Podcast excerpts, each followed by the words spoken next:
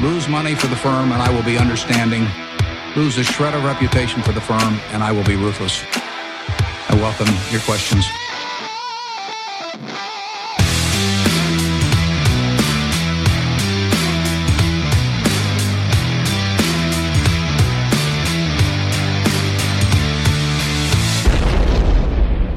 Hej och hjärtligt välkomna till Kvalitetsaktiepodden. Det är jag som är Ola. Det är jag som är Marcus. Ja, och det är jag som är Klas. Det är avsnitt 135. Släpps natten till torsdag den 2 febru februari. Februari höll jag på att säga där. Februari. Ja, så är det. Ja, Nej, det klipper har- du bort. Ja. Eh, spelas in eh, dagen innan i alla fall. Eh, inför det här avsnittet eh, har rapporterna för Q4 börjat trilla in så sakteliga. Och det gör att vi idag har eh, fyra stycken rapportkommentarer och ett nytt bolag. Så är det. Men det har inte rapporterat än. Nej, Så då kan vi följa upp det lite snabbt sen. Det är snyggt. Eh, utöver det här då ett förhoppningsvis intressant aktuellt avsnitt. Och så en liten present på slutet. Till alla av, av de lyssnare som brukar fråga om hur vi jobbar med onoterat och så här. Det säger vi ju att det är svårt att säga något specifikt om, men ibland så berättar vi lite om de bolagen vi faktiskt investerar i. jag tror du skulle säga en present till alla de som har orkat lyssna till slutet. Ja, det med. Det är inte så dåligt jobbat faktiskt. Och det är ju så att Adrian, en av grundarna bakom bolaget Digital Plattform, som är vårt senaste onoterade, eller vår senaste onoterade investering, har kommit hit och pratat lite med mig och Ola. Mycket intressant prat. Mm. Så det, det kommer helt i slutet på podden här. Ryssland då? Fortsätter sin vidare terrorkampanj mot invånare och infrastruktur i Ukraina. Eh, Vi uppmanar alla som har möjlighet att skicka ett bidrag eller bli månadsgivare till någon seriös hjälporganisation med verksamhet som stöttar Ukrainas hårt prövade och tappra folk. Ukraina vi ser och vi glömmer aldrig. Jaha, Ola, Macke, var ni med er från veckorna som gått sedan senast? Ja, vet inte. Sprungit en löptränar en hel del här igen. Ja. Känner att man börjar eh, bli lite äldre faktiskt. Jag tycker... Nej, har, Lite krämpor? Lite krämpor, men i och för sig när man går upp i träningsmängd så brukar det kunna bli så lite. Så att det är väl det. Mm. Man får... Igår kväll då? Igår kväll var ju Marcus och jag på eh, hockey faktiskt. Trevligt. Linköping Färjestad Vad kul. eh, här i Linköping. Och eh, en av de bättre hockeymatcher jag har sett. Jag, Marcus är ju extremt hockeyintresserad. Jag är väl lite så att jag gärna tittar men inte så noga. Idrottsintresserad Ja, allmänt allmänhet. idrotts, det är ju verkligen. Men 5-2 till, Fär- till Linköping igår då. 75 skott på mål. vet du. Det är 75 skott på mål. Eh, och eh, Färjestads tränare sa på presskonferensen efter matchen att eh, våra målvakt var klart bäst hos oss på plan. Det säger lite när man ändå släpper in fem. Hur bra de andra var. va? Nej, han, var inte, han, han var inte helt nöjd. var inte- han var inte jättenöjd. Nej, det var han inte. Han Men jättenöjd. Mm. Linköping vann klart rättvist, får man säga. Och ja, lite propagandahockey med skott mellan ben, du vet va? Ja. Lite, lite finklapp, finlir va? Så, Kul. Mm. så det får vi göra om, Marcus. Ja, det var kul. Eh, Ja, Marcus. mindre kul då, så NFL är jag förtjust i. Ja, du, du, du har ju nästan någonting i varje sport känns det Ja, som. lite så. Man Ja. måste ju gardera sig. Förutom tennisen då, där inga svenskar nästan är med längre. Men Men, det är nästan inga vinnare ändå, vet du. jag väljer fel lag. Nej, men jag är ju fan av San Francisco 49ers då. Ja. Det är ju Joe Montana och Jerry Rice på 80-talet, vet du. När de var så jävla bra. Joe Montana, ja. Mm. Eh, Så jag satt ju förväntansfullt i söndags här och väntade på eh, NFC Championship Game mot Philadelphia. Vad är det Eller semifinal som man skulle kalla det på svenska. Ja, för de måste ta i så de svimmar, eller hur? Exakt så. Jaha. Eh, nej, men det skulle bli jättespännande tänkte jag. Då. Mm. Första anfallet, San Franciscos quarterback Brock Purdy blev skadad. Och Ja, han är ju tredje quarterback, för de första två var skadade sedan tidigare. okej. Tog de in fjärde killen och i nästa anfall så blev han skadad. Nej. Då får de ta tillbaka Purdy Mm. För då hade de inga kvar. Men han har ju skadat högerarmen då, så han kan ju inte kasta. Det är en ganska dålig egenskap när man är quarterback i NFL. Då. Mm. Så då försöker de springa resten av matchen med bollen på marken. Ja, men herregud. Och det är ju inte så, det är inte så svårt för motståndarna, för de vet ju då att det kommer inga kast. De kan ställa alla på en linje och stoppa de som springer.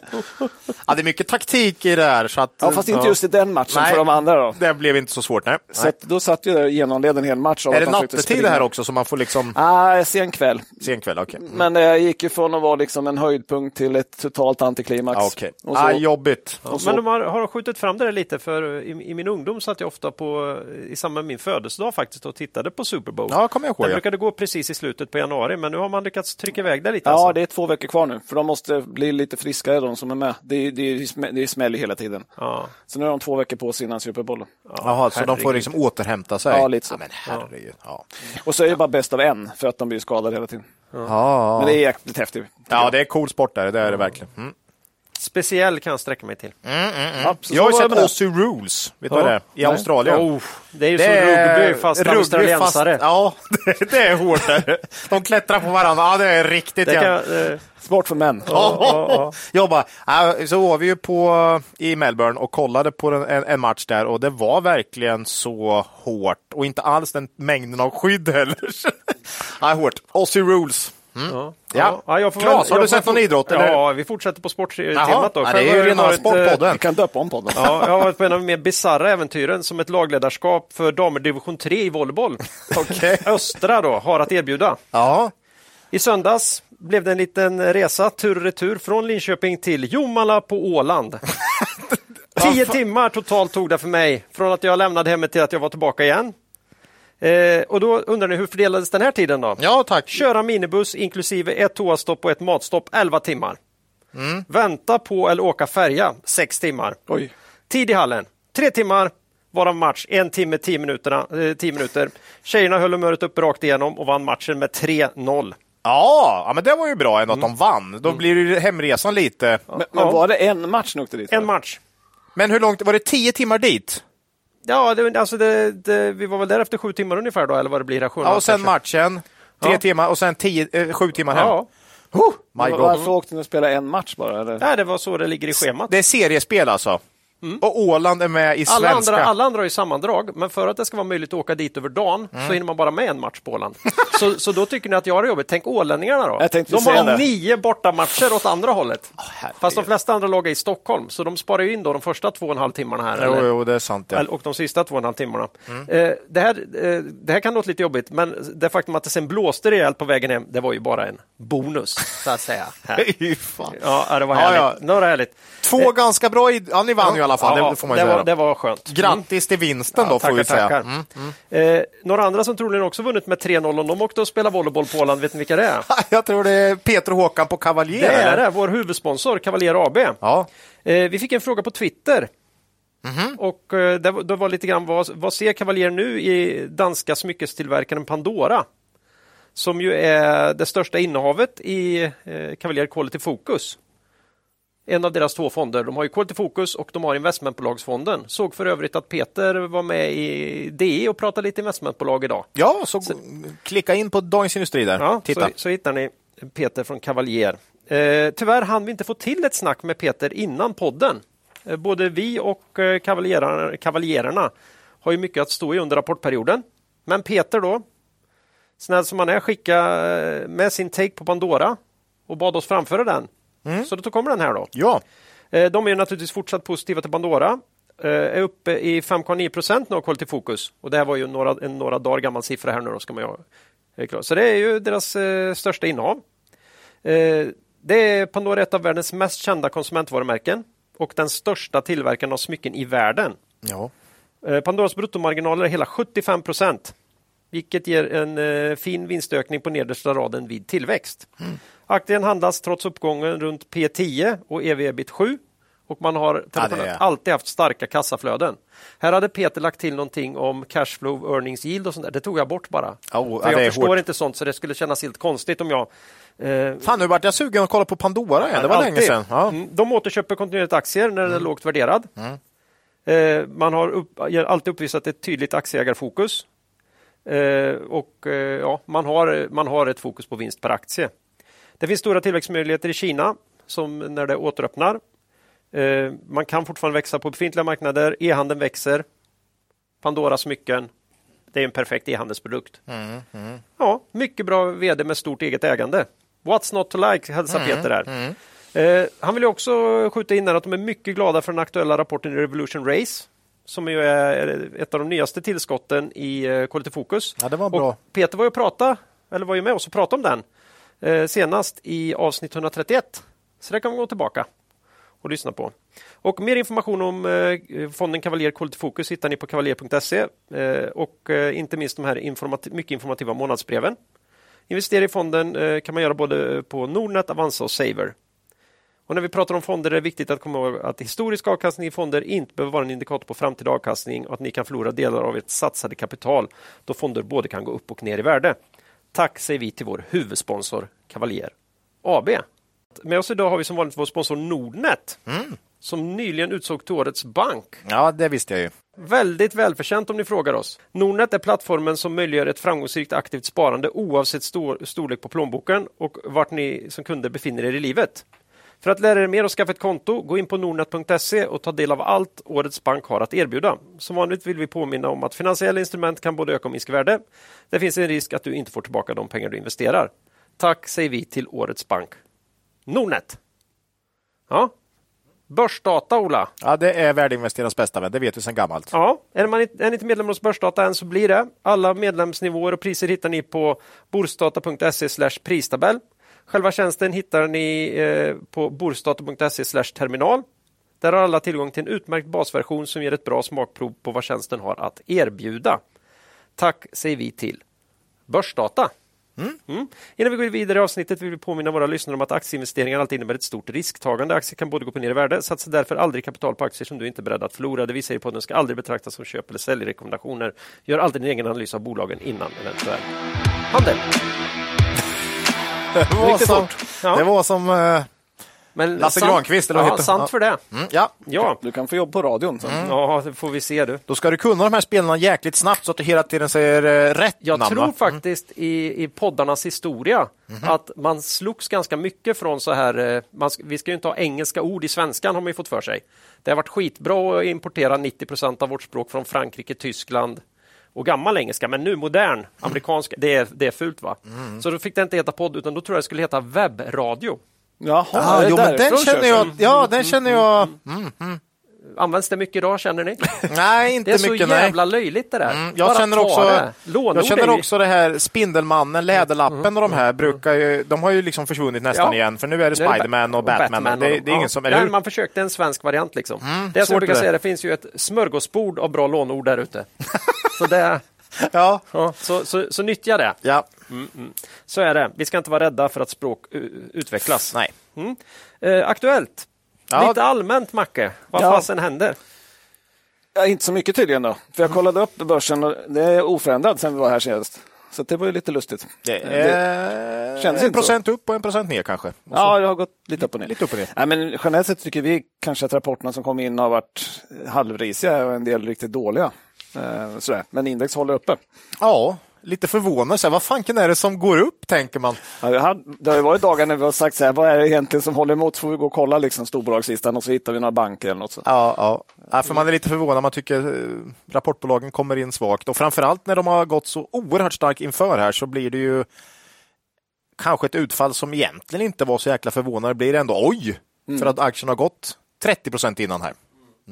Så vi tycker väl en liten diskrepans mellan vad bolagen säger och hur index går. Så att säga. Ja, Ehm, kan flöden, indexflöden kanske?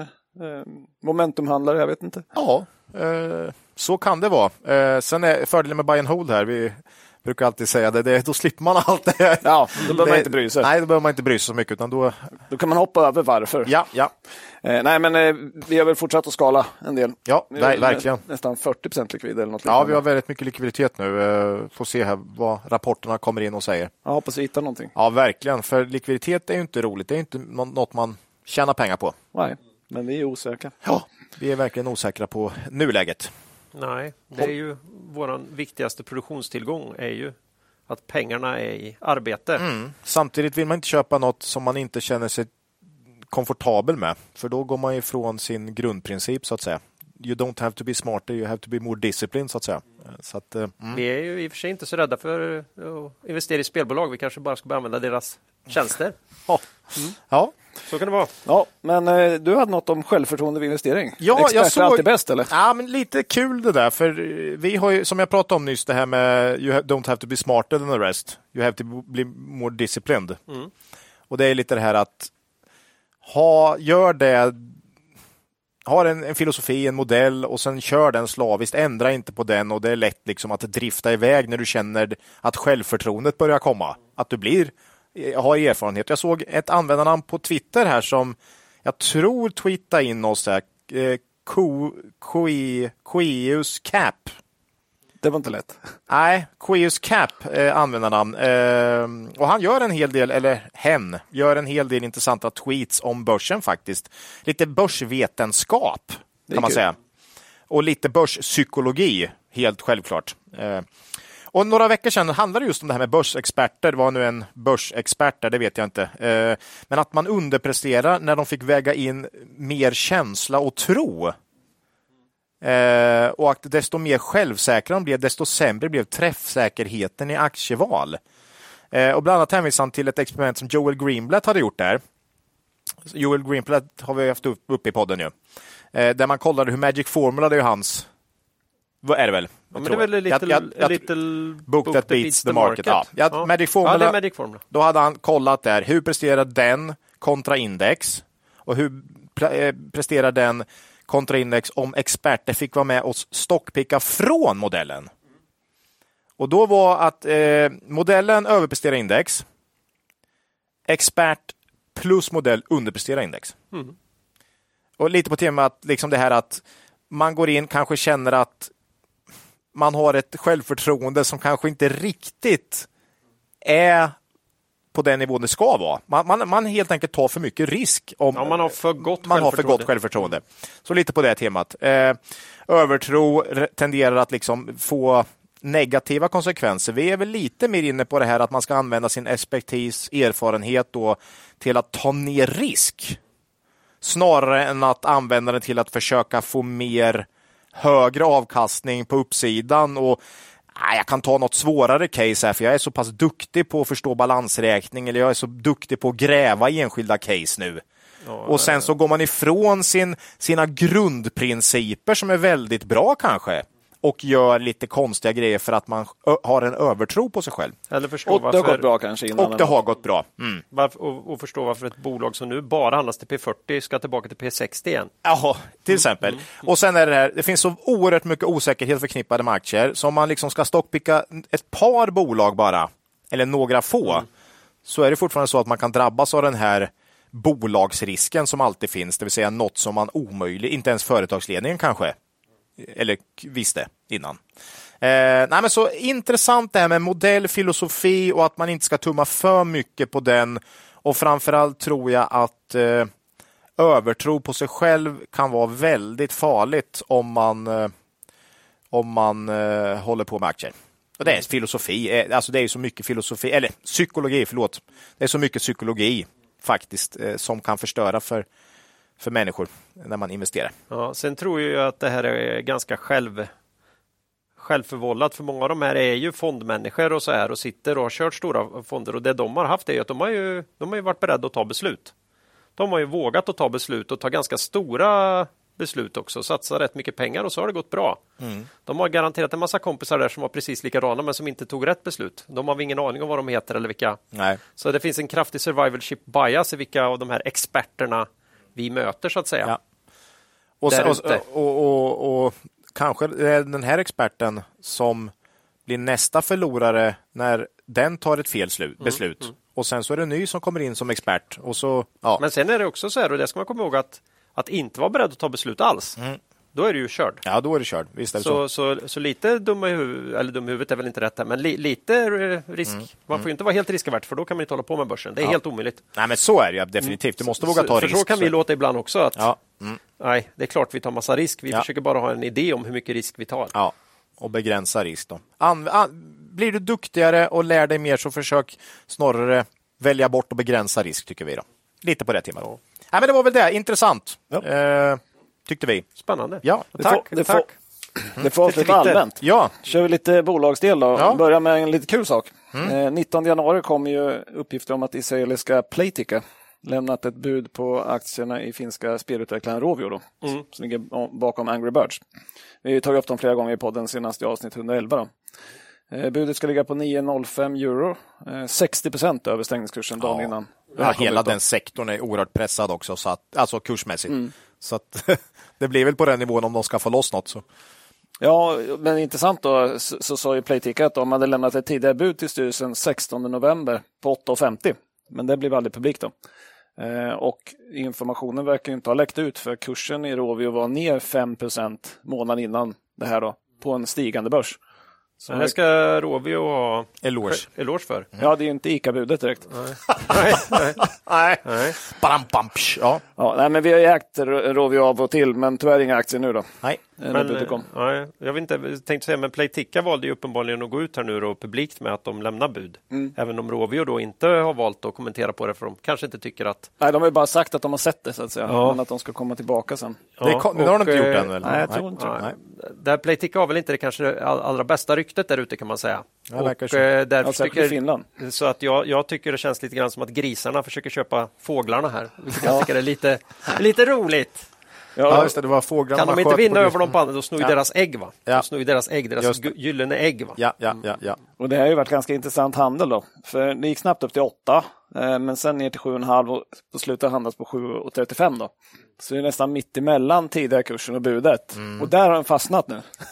det är där det är tycker. rätt- det är ju rätt Där tycker marknaden, Marknaden- är mellan gamla nivån och budet på något sätt. Ja. Där tar du in eh, på något sätt den här risken att det inte blir något, eller och sannolikheten att, Ja. att de går igen. Ja. Är Fascinerande med marknaden att man hittar ett jämviktspris som var mitt emellan ungefär. Ja, var det inte något, något, något tidigare bu, bolag hade köpt upp i Finland och sen lagt ner? Eller? Ja, det var ju det som de skrev att eh, de Ja. hade, hade dåligt rykte för att de hade köpt ett annat spelstudio och sen efter tre år lagt ner den eh, från Finland och därför fick de lite Så, dåligt ja. rykte. Ja, Så det blir spännande att följa det här.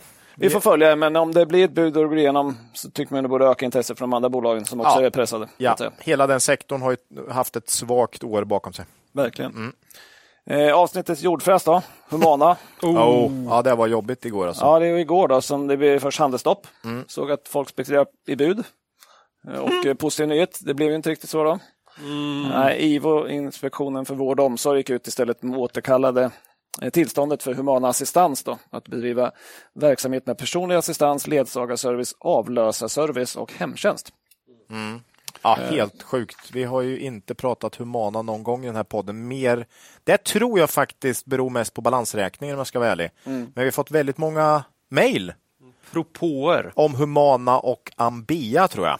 Eh, Men vi, och, och sen är risken, vi har ju pratat om det också, risken tycker vi är högre när man har vårdinrättning än när man eh, skickar personal. Alltså, eh, vad heter det, konsulter eller bemanning. Vi har ju varit ambivalenta. Nej, det har vi inte varit, utan snarare väldigt tydliga på att vi inte tycker det är ett Okej då. boo. Nej, Boo, det, ja. nej, det var riktigt. Ja, ja. Ja. Eh, Boo sa IVO då. Ja, men det sa- det sa de verkligen. För de sa att eh, Humana uppfyller inte kraven på lämplighet att bedriva dessa verksamheter. Då. Eh, Humana sa att man ska överklaga beslutet, får se hur det går då. Mm. Eh, men börsen väntar inte på överklagandet, utan det var ju 55 procent ner. 55 ner. Det är mycket. Ja, det är jäkligt mycket. Men Det de var har en väldigt 30 svag 30 balansräkning. Det var 35 procent av omsättningen. Ja, va? resultat va? 35 procent av omsättningen, 39 procent av resultatet. Okej, okej. Och kursen går ner 55. Ja. Är, det, är, det, är det rensat för alla försäkringsbedrägerier då? I, i det resultatet? Eller? Fan Claes, du är hård idag. jag, jag tror balansräkningen är en stor del här, för Ja, den är ja. svag som satan. Ja, jag har varit lite, först var det ju så här att jag trodde att de skulle slå mot eh, liksom deras verksamhet och så här kontroll och så. Lite sånt fanns det ju det här. Mm. Men det stora är ju att man menar på att de har underlättat för eh, välfärdsbrottslighet, alltså bedrägerier mot välfärdssystemet här i, runt personlig assistans, att man då har kunnat gå via Mm. Humana. Eh, och då skulle man ju kunna misstänka att Humana också är utsatta för brott. Jag tror inte att man har suttit på i, i styrelserummet eller i ledningsrummet och sagt att ja, hur många, hur många försäkringsbedrägerier ska vi underlätta Nej. för i år? Det, utan här är det ju säkert folk då inom deras organisation som Liksom, ja, det, ju, det kan ju få vilka konsekvenser som helst. Hade man känt till det här så hade man naturligtvis gjort något åt det. Så, eh, så att någonting här är lite fishy och jag tror ju säkert att Humana är, är ju ett offer även för den, den brottsliga verksamheten här. Och då kommer man väl förmodligen bli friad, tror jag, i, i, den, i de delarna. Och då vet jag inte om det räcker det övriga. Nej. För att, för att det här är en oerhört eh, skarp Ja. åtgärd från, Ja, jag- från det allmänna. Ja, jag fattar liksom inte riktigt, hur ska det här gå till Ja, den de har ju 10 över- februari? Alltså, ja, över hur, 2000 brukare tror jag det finns här och över 6000 som jobbar med dem.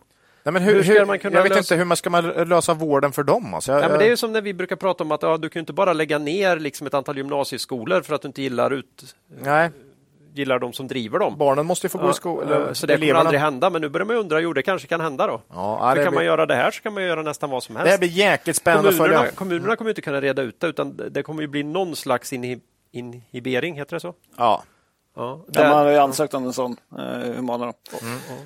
Och vi får se då, men, men eh, bolaget som som sa Ola, nettoskuld genom ebitda 5,4 Och drar, in, du, innan då. och drar du bort 40 procent av vinsten så... Ja, då, då blir det inte så kul. Nej. Sen är det en hel del leasing då i skulden. Då. Men, men det här är ju ett orosmoment för marknaden såklart. Ja, ja, ja. Eh, och vi vågar ge oss inte in här såklart. Och vi, Nej, usch. Det är jobbigt. vi får kolla på sidan. Eh, men det är ett intressant exempel på politisk risk då. Hände ju då och då. Det här var väl bland... Nej, vi har ju faktiskt Academedia som har tappat hårt också ju. Eh, där har det ju inte hänt Nej, något det är ju egentligen. bara... Det, men här har det ju hänt va? Eh, eller här har det ju ändå... Academedia var ju först att sossarna var jädrigt tydliga, men vinner vi valet då jävlar. Jo, Ja, och, sen, och sen så följdes det upp av att Academedia själva gick ut och sa att det här med liksom grasserande inflation och jättehöga energipriser, det är inte toppen och det kommer, i vissa av våra avtal så kommer det dröja ett och ett halvt år innan vi blir ordentligt kompenserade för det. Och då just nu är det kanske minst kraft- lika mycket det. Men, men de är ändå upp en del sen, Okej. sen, sen liksom den här riktiga Magdalena-botten eller vad vi ska kalla den. Magdabotten. Mm. Folk har glömt det. vet du. Ja, ja. Nej, det, så Nej, är det. det- Politisk risk är alltid... Och det är därför de värderas lite lägre, de som har Ja, politisk risk. ja, ja, så är det. För, för full transparens här kan, ska jag väl erkänna att jag har kastat in en liten, liten peng En liten Vi hörde. peng i, ja, eh, i Humana. Humana.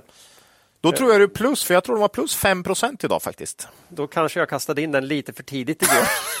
Okej, De gick inte ner 55 direkt, vet du, utan det tog en liten stund innan. Så du kanske är plus minus noll? Ja, ja. Nej, jag, jag, jag kände att det där, this can't stand. Jag vill inte att man ska kunna göra så här riktigt. Nej. Så inte så snabbt och inte utan att vidta några som helst andra åtgärder Spännande. innan. Det kanske är ett, ett, ett odds, ett betting-odds typ med, Ja, så- jo, med men det hyggliga här, odds. Det här kunde jag lika gärna satt, jag kunde lika gärna spelat på en match Ja. eh, på, på Svenska Spel, men jag valde att, att, att betta i den här istället. Spännande. Spännande. Det var inte hela dina besparingar? Det här var, eh, jag vet inte vad man ska säga, det var 2000 kronor. Det kanske ska vara transparent för det, jag har aldrig gjort något sånt här, men jag kände att det här, det här är ju helt orimligt. Ja. Ja, Så är det. spännande. ja, Klas the Gambler. The Gambler. Ja. Ja. Eh, Klipper du in den sen från The Gambler, den Ja. sången? Nej, men vi vill ju vara transparenta med saker vi själva äger. och Det är bra. Jag, jag ja, äger men ju det är här. bra. Det är bra. Eh, Ola, Formpipe då? Eh, VD-byte fast inte i mikrosegmentet. Nej, Formpipe är ju faktiskt ett, ett bolag vi har med i en buy and hold för ett antal år sedan här. Eh, Så jag tänkte vi ändå kunde ta upp den här nyheten. Man släppte preliminära siffror för Q4 den 25 januari då i förtid. Samtidigt då, samma tidpunkt på dagen här så, så aviserade man vd-byte där Christian Sundin får lämna vd-posten efter 16 år. Ja. Det är länge. Det är länge. Eh, här var initialt lite svårt att veta om det här var betecknat som en vinstvarning eller inte. Det är ju det är aldrig så att bolagen själva, eller väldigt sällan, man skriver kanske inte vinstvarning, utan man skriver kanske att om, om det ska gå rätt till, du är ju expert på det här Marcus. Ja, ibland väl- gör de det. Ja, ibland gör de det. Men man, det bästa är väl eh, resultatet sämre än väntat eller något sånt. Men ganska ofta preliminära siffror och så här. Liksom. Ja, jo, så, och, och då är det liksom, jaha, preliminära siffror, är det vin, liksom, vad är det för något? Liksom? Och sen får man bilda sin egen upp. Här var det väldigt svårt, eh, för aktien startade ner ganska rejält, men både ABG och Redeye kom med kommentarer och sa att det här var precis vad vi hade väntat. eh, och det var faktiskt i linje med kvartalet precis innan. Sen att det var väldigt mycket sämre än föregående år, jag vet inte. Så att, nej, det var nog att man skulle byta vd och man ville släppa hyggligt snabbt här när man ändå skulle avisera ett vd. Jag tror det var så. Men mycket sämre än föregående år i alla fall. Tillväxtsatsningar säger man här eh, har, har kostat och dessutom personalkostnader har man drabbats av en hel del att de har ökat eh, under året. Eh, Formpipe säger också här nu vi går in i en ny fas för Formpipe, brukar heta så, med fokus på att accelerera den globala expansionen av LaserNet och realisera den fulla potentialen i vår affär inom publik sektor. Styrelsen bedömer att tiden är mogen för, att, för ett förnyat ledarskap i Formpipe. Och i väntan här nu kommer vd till, eh, innan ny vd tillträder fortsätter Christian Sundin som vd, eh, vilket säkerställer en smidig övergång så det verkar inte vara någon panik här direkt. Eh, ja, nej, men Formpipe har vi inte pratat om mycket alls på väldigt länge, men här har man ju ett verkligen uselt eh, 2022 eh, lönsamhetsmässigt bakom sig nu.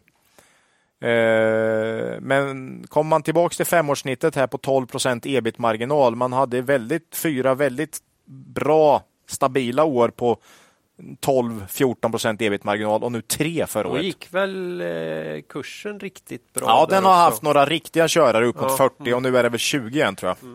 Eh, men nu 3% ebit-marginal alltså. Eh, så kan man göra, komma tillbaks dit fort så kan det nog bli lite intressant här skulle jag tro faktiskt. Men just nu har man ju inte haft ett, ett bra år. Det är imponerande svagt. Ja, jag, jag, jag tycker de, de är väldigt bra på att prata omsättning i sina rapporter och vad det beror på. Men resultatet kommenterar man nästan aldrig utan bara siffrorna. Eh, Det är inte bra. Nej, jag, jag Tycker tycker det är väl liksom vad, vad beror det på? Man försöker, ja, jo, personalkostnader, alltså man får, får leta lite själv liksom. Eh, men, eh, men, men personalkostnaderna har, har, har slagit en del och sen har man gjort en del tillväxtsatsningar och så där. Men det är ändå mycket från 12 till 3 procent. Vi är lite gnälliga så vi tycker resultatet är ganska viktigt också. Ja, vi är ju lite bottom line. Kanske hela vägen ner till vinst per Ja, aktie. ja. ja, ja. Nej, men eh, Ja. det skulle kunna bli intressant formpipe här nu med vd-byte och allt och om man nu kan få till lite tillväxt och komma tillbaka till lönsamhet. Men eh, just nu är osäkerheten ganska stor tycker jag. Det var lite oklart om det var vinstvarning, men nu har vi två stycken som var vinstvarningar. Ja. Mm. Eh, Vi börjar då med eh, Garo. Eh, har vi tagit upp några gånger, men inte kanske analyserat, men vi pratar lite grann om dem. Garo va? Garo. Garo. El, elartiklar till eh, elektriker och sånt. Men, Det är men i huv- huvudsak elbilsladdare skulle jag vilja säga. nej. Jo, jag tittade på deras hemsida efter förra gången vi pratade om. Ja. Och det Det, är det de frontar kan jag säga. Jo, jo, men, men jag vet ju att Det är inte det de säljer mest av. nej, men det var ju ett, Ja. eh, eh, liksom Ja, en ja. leverantör av elprodukter Ja, ja, ja. Till, till elektriker. Och, ja. Ja, ja, ja. Ja, man sa i alla fall då när man kom ut den 27 januari, Mm. eh, bristen på elektronikkomponenter till uppkopplade laddprodukter har väsentligt påverkat vår produktions och leveransförmåga under kvartalet. Mhm. Då säger man att omsättningen i Q4 landar på 340 miljoner mot 370 förra året. Det är ner, men inte så farligt. Man har pratat om i nivå med förra året. Så, så inte så farligt ner. Men resultatet av 9 miljoner mot 58. Ja, det är ju ner. Det är lägre. Det är klart läge. Då hade man en engångspost på 15 miljoner, men även om man skulle dra tillbaka den så blir det en stor nedgång. Då. Intressant, aktien öppnade minus 13 procent och stängde oförändrad. Oj! Det är lite ovanligt. Shit. Ändå. Hade Så- de konfkår så... Nej, inte vad jag har sett. För Eh, ibland kommer ju vd in och, och räddar upp situationen. och säga att det var inte som vi skrev. Det var inte som vi skrev. Ja, det är inte bra om man har sålt på... Det var på... styrelsen som tvingade Ja, ja, Ja, jag tycker det var ja, jättebra. Ja, det är inte bra. Jaha, ja, konstigt. Ja, nej, men eh, det är ändå underliggande styrka. Sen har den tappat lite de senaste dagarna. Men eh, vi är lite förvånade över att man inte handlas läge kanske. Ja. Eh, P 34 på rullande 12 innan det här. Var det inte uppe på 50-60 Ja, någonting? det var det. Ja, men Så- det, det här måste ju slå. Det här påverkar ju verkligen. Det måste ju upp rejält nu PE här. Ja, när det ja. här kommer in i, Ja. Jo, i rullande. så är det ju. Så då är det ännu högre. ja, det är ännu högre. Ja, jo, nej, vi förstår ju inte värderingen på Garo. Det, Nej, det har vi gjort. aldrig gjort. Vi är inte särskilt sugna på aktien. Verkligen inte. Nej. Eh, sen kom det ju tyvärr igår kväll en eh, varning till då, som Mm. vi får ta upp. Det var ju Clean Air som informerade. Då sa de preliminära siffror. Jaha. Men jag säger vinstvarning. Ja, men då, och de har vi haft upp i podden nu. Ja, det har vi ja. ja. Eh, man tar ett gäng specifika kostnader. Då. Minus 13 miljoner i lagernedskrivning, minus 5 miljoner i kostnad för vd-byte och organisationsförändringar och minus 3 i extra projektkostnader. Eh, ja, med alla de kostnaderna så blir resultatet minus 18 miljoner. Då. Flera av de här kostnaderna känns ju skapligt engångs eh, ändå. Ehm, och det är ju ofta sådana som dyker upp när en VD, ny vd tillträder. Då, som det har skett i det här fallet. Det får väl Formpipe akta sig lite för. Då. Jo, ja, klassiskt. Klassiskt med Då ska rensas upp. Snälla vd avslutar ju med det så att den nya inte behöver ta det. Och eh, Kan ha varit VD de här tillväxtsatsningarna man har gjort här nu, marginal 3 procent och sen hoppar han och så har man tagit mycket. Så Nej, för det är ju klassiskt. Det, Det är har vi klassiskt. sett i massa av de här bolagen som får ny vd. Jag kommer in och så måste vi, nej det här måste vi skriva ner. ja, ja. Eh, så att, men, men de här engångsgrejerna kanske inte är så allvarliga för långa bilden. Då. Men mer allvarligt är att om man rensar för det här så är resultatet i Q4 3 miljoner, marginal 3 procent.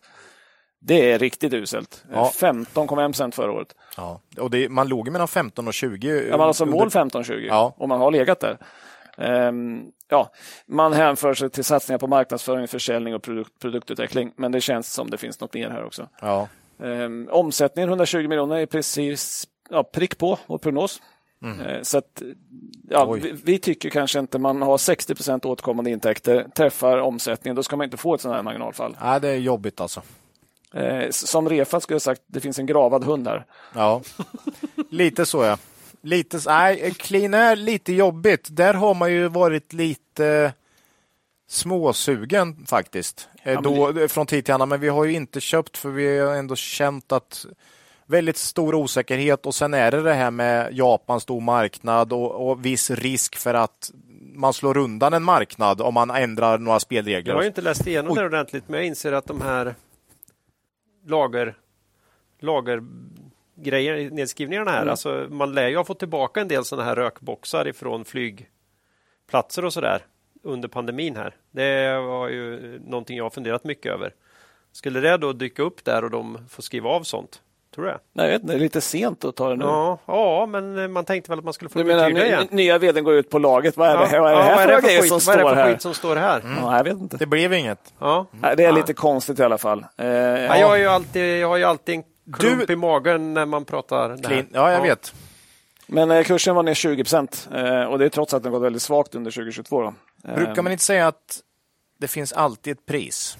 Jo. Jo, jo. Finns det inget pris, alltså någon, någon gång är det ändå rätt att köpa. Men, ja. Ja, om de går med vinst. Men det, Ja. det är ju liksom förståeligt att det går ner ändå, för jag tycker inte man ska, man ska inte prestera så här dåligt. Nej, det är konstigt. Eh, Och det går ju inte att förstå heller riktigt varför det ser ut så här. Tycker vi. Eh, Ja, 20 procent ner är mycket. Det tyder på viss eh, ja, förtroende. och det är en ganska pressad kurs. Ja. Men når man sina mål om 15 till 20 procent marginal så är aktien jättelågt värderat. Men det är ingenting som vi vill betta på. Eh, Svinbillig, skulle Ja, jag säga. ska man säga. Om de når det. Men det är, ing, det är så jobbigt att, att betta på sådana grejer innan man börjar se några tecken på det. det Hope is not a strategy. Hope is not a strategy. Nej. Det som skulle kunna hända här är ju, om man nu, vi kommer ju fortsätta följa dem för att de har ju den här jättefina renrumsdelen Mm. som, jag, som jag tycker är väldigt mycket trevligare och mindre regulatorisk risk Mm. och så här och den kan man sälja i även i alla europeiska länder och i USA och så där. Mm. Börjar den verkligen ta, tugga på här och bli en större del, Ja. då, då tror jag det kan bli riktigt intressant. Men det Mm. Jag kan är ju tänka mig att det här är år ett- fram i tiden. Eh, jag bara- nu spekulerar jag helt vilt, men jag, jag skulle tänka mig att det här är ett uppköpscase. Skulle det kunna vara. Eh, om man kan få ett förtroende. Du går in och verkligen får ett förtroende för att 15-20 är det som bolaget ska tillbaka till i lönsamhet. Då är det ju ett fynd här. Eh, så, så ja. Men eh, man ställde in utdelningen också. Ja, det, det- andas ju inte att problemen är övergående Nej, direkt. snabbt. lite så. Och vi kommer eh, snart till ett sånt bolag till här. Ja, nej, men vi är inte så, så sugna på Nej, Clean Air heller. inte. Tyvärr har jag en liten post i pensionssparandet. Den Mm. får ligga kvar som någon sorts lottsedel på lång sikt. Ja, Ehm, ja, sista delen då. Eh, kontraktstillverkaren Inition var med i sju, avsnitt 76 från början på 2021. För ett tag sedan. ja. Eh, Men de hade kapitalmarknadsdag eh, 19 januari och hade då nya finansiella mål för 2023 och på medellång sikt. Jag kan inte se att man haft några sådana mål innan. Så det är väldigt kul. Se vad man tror. ja. Eh, Säger nu omsättning 2023 på 2 miljarder i justerad ebita-marginal över 6. På medellång sikt 15% tillväxt per år och justerad ebita-marginal över 9. Det är lite svårt med de här justerade måtten för vi vet ju inte riktigt vad man justerar för. Jobbigt. Eh, Vi är inte så förtjusta i det. Vi vill gärna ha raka mål. Helst vinst per aktie, men det är väldigt få som har. Oerhört få. Lyssna inte på oss. Nej. Eh, nej, men Inition har i år haft en jättefin tillväxttrend. Eh, Q1 31 procent eh, ökning, Q2 21 och Q3 26 procent. Det är jättebra. Eh, men det är lite svårt case just nu tycker vi. Man har ju köpt finska Enedo. Eh, resultatmässigt innebär det en massa engångsposter om ni tittar på eh, nischen. Bland annat hade man en jättestor positiv post i Q3 då. För då köpte man upp dem från intressebolag till dotterbolag. De gick över 5 ägande till skillnad från Duni-affären vi pratade om i sena, ja, tidigare poddar, så fick man en jättestor positiv påverkanspost. Då. Så om ni screenar fram Inition som ett jättebilligt bolag, se till att justera för den här posten. Mm. Det, gjorde, det gjorde inte vi först. Nej, sådana grejer är farligt med screening om man går bara på den och inte kollar bakom. Ja. Såklart. Mm. För, för det är inte så billigt just nu som det ser ut om man screenar. Eh, Men eh, Inition har ju köpt upp sig i Nedo i omgångar. Eh, la bud på, eh, man kom upp i 96 procent och la bud på resten. Då. Eh, så nu kommer man få in bolaget. Eh, men Nedo var ju ner 96 procent på fem år. Förlust 25 av de 20, 23 av de 25 senaste kvartalen enligt börsdata. Okay. Genomsnittlig rörelsemarginal på minus 7,8 procent. Hur man än vrider vänder på det är uruselt. Det är, det är riktigt kast. Ja. Och sen är det inte så litet heller. Det är 450 miljoner i omsättning. Mm. Eh, att ställa mot Initions 1,4 eh, miljarder. Så det är ju en skapligt stort bolag. Ja. Eh, ja, och det är lite oklart varför man köper ett bolag med så svag historik. Eh, för man har ju sagt också att man helst köper bolag som gör vinst. Mm. Eh, och då tror man att det, det, tror jag att det kan vara lite att man vill göra om incap-trixet då. Just det. Eller till affären, ja. transaktionen ska vi säga. Det var inget trix. Det var jättefint. Man köpte in sig i incap då, 2013-14. Eh, omstrukturerade bolaget och lyckades vända det. Mm. Eh, sen delar man ut aktierna till aktieägarna, så är det bra för de som har kvar dem. Då, så ja, de har ju gått mm. ruggigt bra. Det har varit en helt fantastisk affär. Mm. Så det kanske är så att man kan vända om en ner då. Och I ja. sådana fall så är det väl bra det här. då. Um, ja. Vi, vi, vi, tar ju upp den här branschen hela tiden då, för vi tycker den är spännande läge. Ja. Uh, vi har ju pratat om många av bolagen, uh, Kitron och Not och mm. AQ och allihopa. Mm. Uh, vi får se vad det tar vägen. Man har en, hade en stämma 16 januari där man fick ett bemyndigande på emission. Det fick man en fråga om på den här kapitalmarknadsdagen och vd sa att äh, det är standard, vi måste fylla på bemyndigandet för att ha tagit slut. Då. För vi har använt det här i affären. Men man har 2,9 gånger nettskuld i ebitda, 2,5 är målet. Um, ja, jag tror ändå att det kan komma att man kanske gör en emission. Vi får ja. se. Uh, Affärsvärlden hade då en analys där man kallade Inition den nya NOT. Mm. Ja, det är farligt att, alltid. Ja, och det drog ju upp kursen ganska ordentligt. Eh, sen har fallit 36 procent bara i år. Eller ja, kursen gick upp jättemycket, föll tillbaka lite, men 36 procent plus i år Oj. på en månad. Oj. Eh, så jag vet inte, det känns lite grann som man håller på att sälja skinnet här fast man inte ens har björnen i sikte utan har sett ett par spår av björnen. ja. Eller något man trodde var, ja, trodde var en björn. Lite läskigt med ett notoriskt förlustbolag och hur det kan påverka på kort sikt. För det är ja. sällan att man vänder det till bra lönsamhet på några månader. Alltså det... De sa ju att de nu har gjort en turnaround. Okej, okay. mm. ja, ja. Nej, men Vi det får se. lite bevisbördan ligger på Inition. Ja, jag tycker det. Tycker jag. Mer än att... Ja. Det, det, det påminner mig om den här gamla historien med norska jägarna som fick syn på ett spår i skogen. Den har ni hört? Nej, vet jag inte. Jag gick fram, den ena gick fram och den andra. Jag tyckte det är så jätteintressant. Så, men vad kan det vara? Kan det vara björn? Mm. Men, nej, det kan väl inte, kan inte vara björn? Och de höll på att prata fram och tillbaka men sen kom de inte längre för då blev de överkörda av tåget. ja, den har jag inte hört. Den har du inte hört. Ja, det har inte hört. Nej. Det var lite Darwin på den. Ska den får du lägga in en var... Till alla norska lyssnare aj, får du lägga aj, in... just det. Ja. Så ja. Mm, mm. ja men de, de berättar ju om oss och så får vi ja, berätta. Det, Någon måste vi berätta om. Mm, mm. De får ju köra Sverige. Ja, det är härligt. härligt. Vet, vet du vad det var? Det var två ryska jägare som var ute i skogen. Ja, det var det. Två ryska jägare var det. Ja, ja, ja. Mm. Da, sa de bara. Da. Ja, det var sista. Ja, ja de. det var ja, eh, det. Var det. Mm. det var aktuellt. Ja. Då fortsätter vi med lite aktuella bolag rakt av här. Mm. Börjar med Byggmax då. Byggis. Rapportkommentar här då. Ja, eh, prispressaren i bygghandelsbranschen. Ja. Som börjat känna av de svåra tiderna. Hur går det Ola med senaste avsnitt 128? Ja, eh, det här var ju Ja, man har ju haft ett relativt svagt 2022 när man har kommit ner från pandeminivåer. Mm. Mm. Det gick bra då? Fast ja, inte... 2021 och 2020 var ju väldigt ja. bra år för Byggmax såklart. Eh, 2022 eh, har varit eh, klart sämre och nu kommer man med Q4 här och den var väl lite sämre än vad vi hade väntat. Inte jättemycket dock. Ebit-nivå så låg vi på minus 20 i förväntningar mot utfallet på minus 40. Och det kan ju tyckas mycket, men då har man ju en halv miljard i års, så det gör ju inte jättemycket på årsvinsten ändå. Nej. Eh, omsättningen minskade med 10 i Q4. Det var också något sämre än vi trodde. Vi låg faktiskt närmare utfall här än Pinpoint estimaten. Som jag kollade var många som hade gjort, eh, lämnat estimat på Byggmax. Mm. Eh, men, och det var lite mer sämre än vad, än vad Pinpoint-användarna eh, trodde. Då. Eh, här säger eh, Byggmax då att konsumentmarknaden varit mycket tuff under kvartalet. Bolaget bedömer att den nordiska konsumentmarknaden minskat med mellan 12 till 18 procent under kvartalet. Och lägre än pand innan pandemin? Va? Ja, nu lägre än före pandemin. Så att det är inte så att man bara ska tillbaks dit. Och det, det här är väl lite risken med Byggmax. Man har en hygglig koll på vad man har för långsiktig lönsamhet och vad man har snittat över 15 år. alldeles för högt under pandemin i lönsamhet. Och det sa ju vi. Ja, det sa ju vi. Precis, vi var ju väldigt eh, tydliga med det här på 70-80 kronor. Ja, att- det måste man kunna säga. Att Ja, det var, har ju väldigt, varit väldigt. Eh, eh, och, och, men vad är det, liksom det normala här? Men nu är man under alltså 2019. Ja, men hade, hade, hade 2020 startat med en ganska uppenbar lågkonjunktur så kanske man inte hade förväntat sig att Nej. man skulle ök, öka till 2020 heller. Så Nej, nej, men alltså om resultat och omsättning här inte för, förvånar oss så här jättemycket då, eh, så måste man ju nog säga att den slopade utdelningen, eh, in, det var något vi verkligen inte hade väntat oss. Eh, vi hade nog trott på, eller vi trodde på sänkt utdelning, definitivt, men inte slopad då.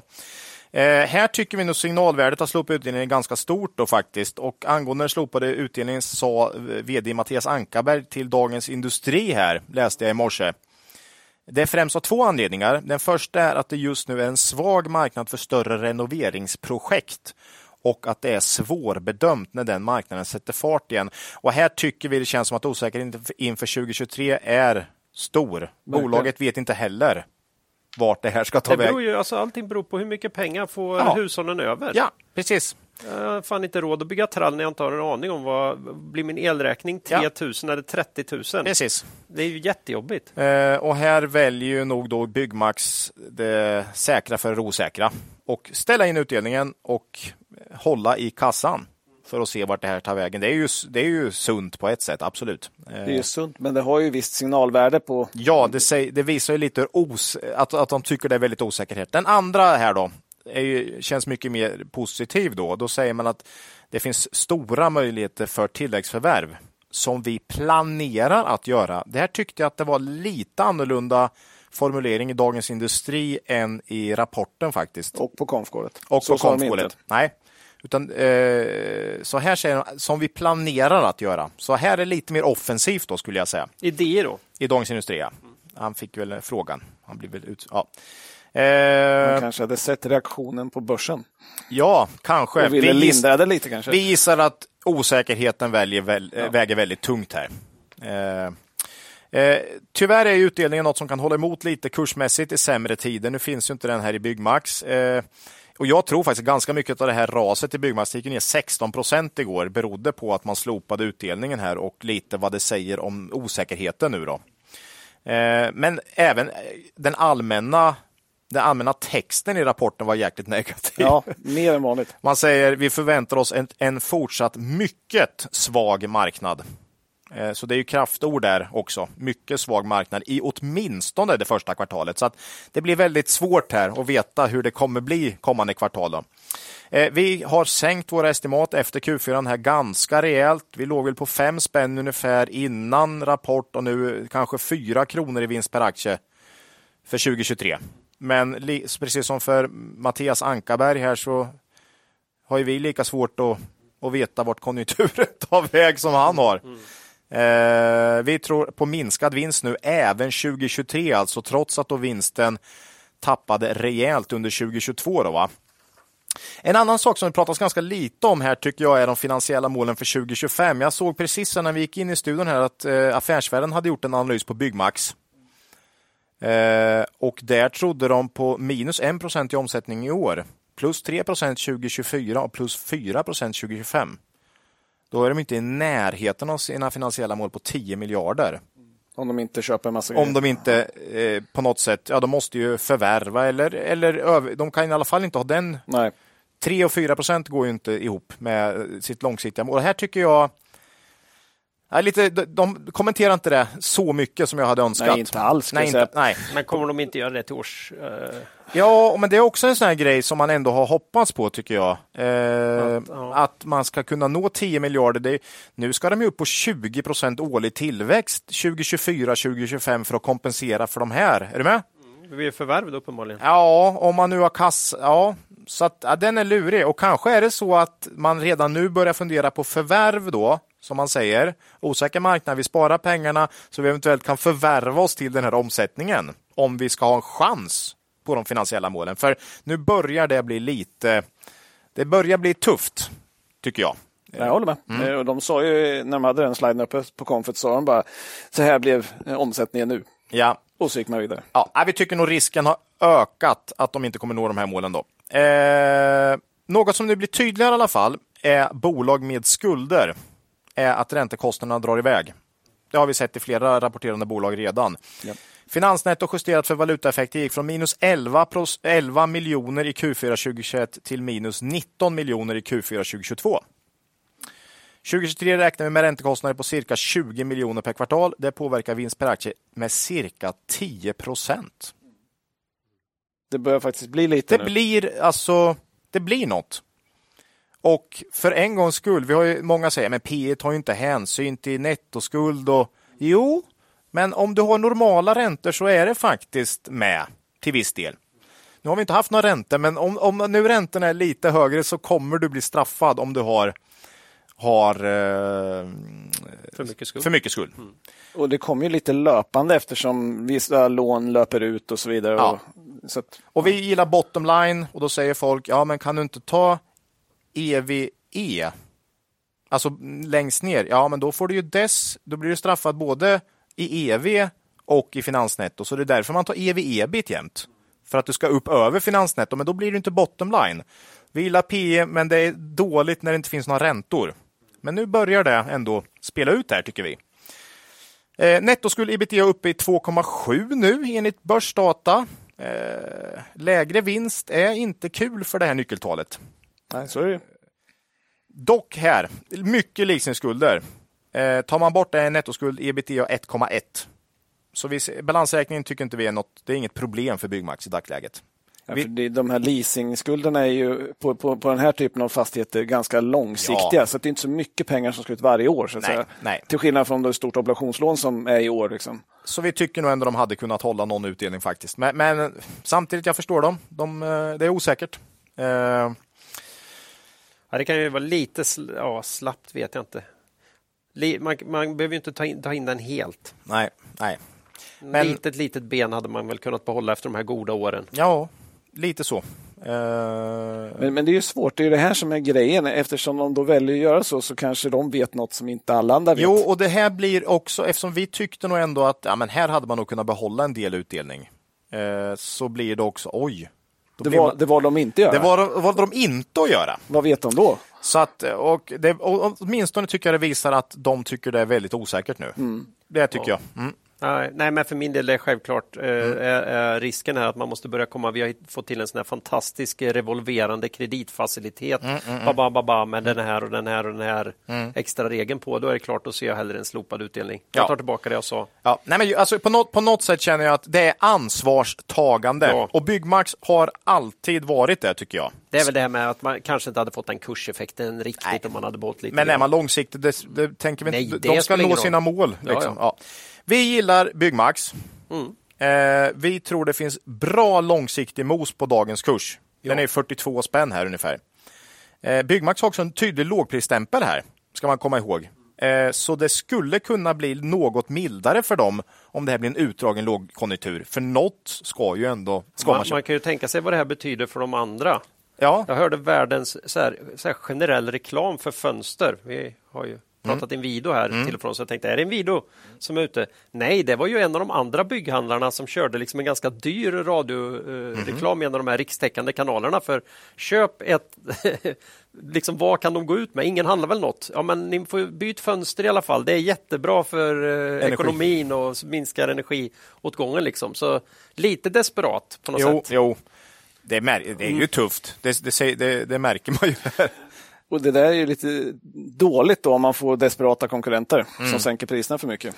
Ja, det blir ju en sån. Alla ligger med lager, man får lite panik och sen blir det en ond spiral. Ja. Så att, eh, Eh, vi äger dock inte några aktier i Byggmax för närvarande här. Eh, merparten av våra aktier sålde vi faktiskt före rapport. Aktien har gått oerhört starkt från botten i höstas till som mest är 55 kronor för några veckor sedan. Det, är alltså, det var en uppgång på över 50 procent på några månader.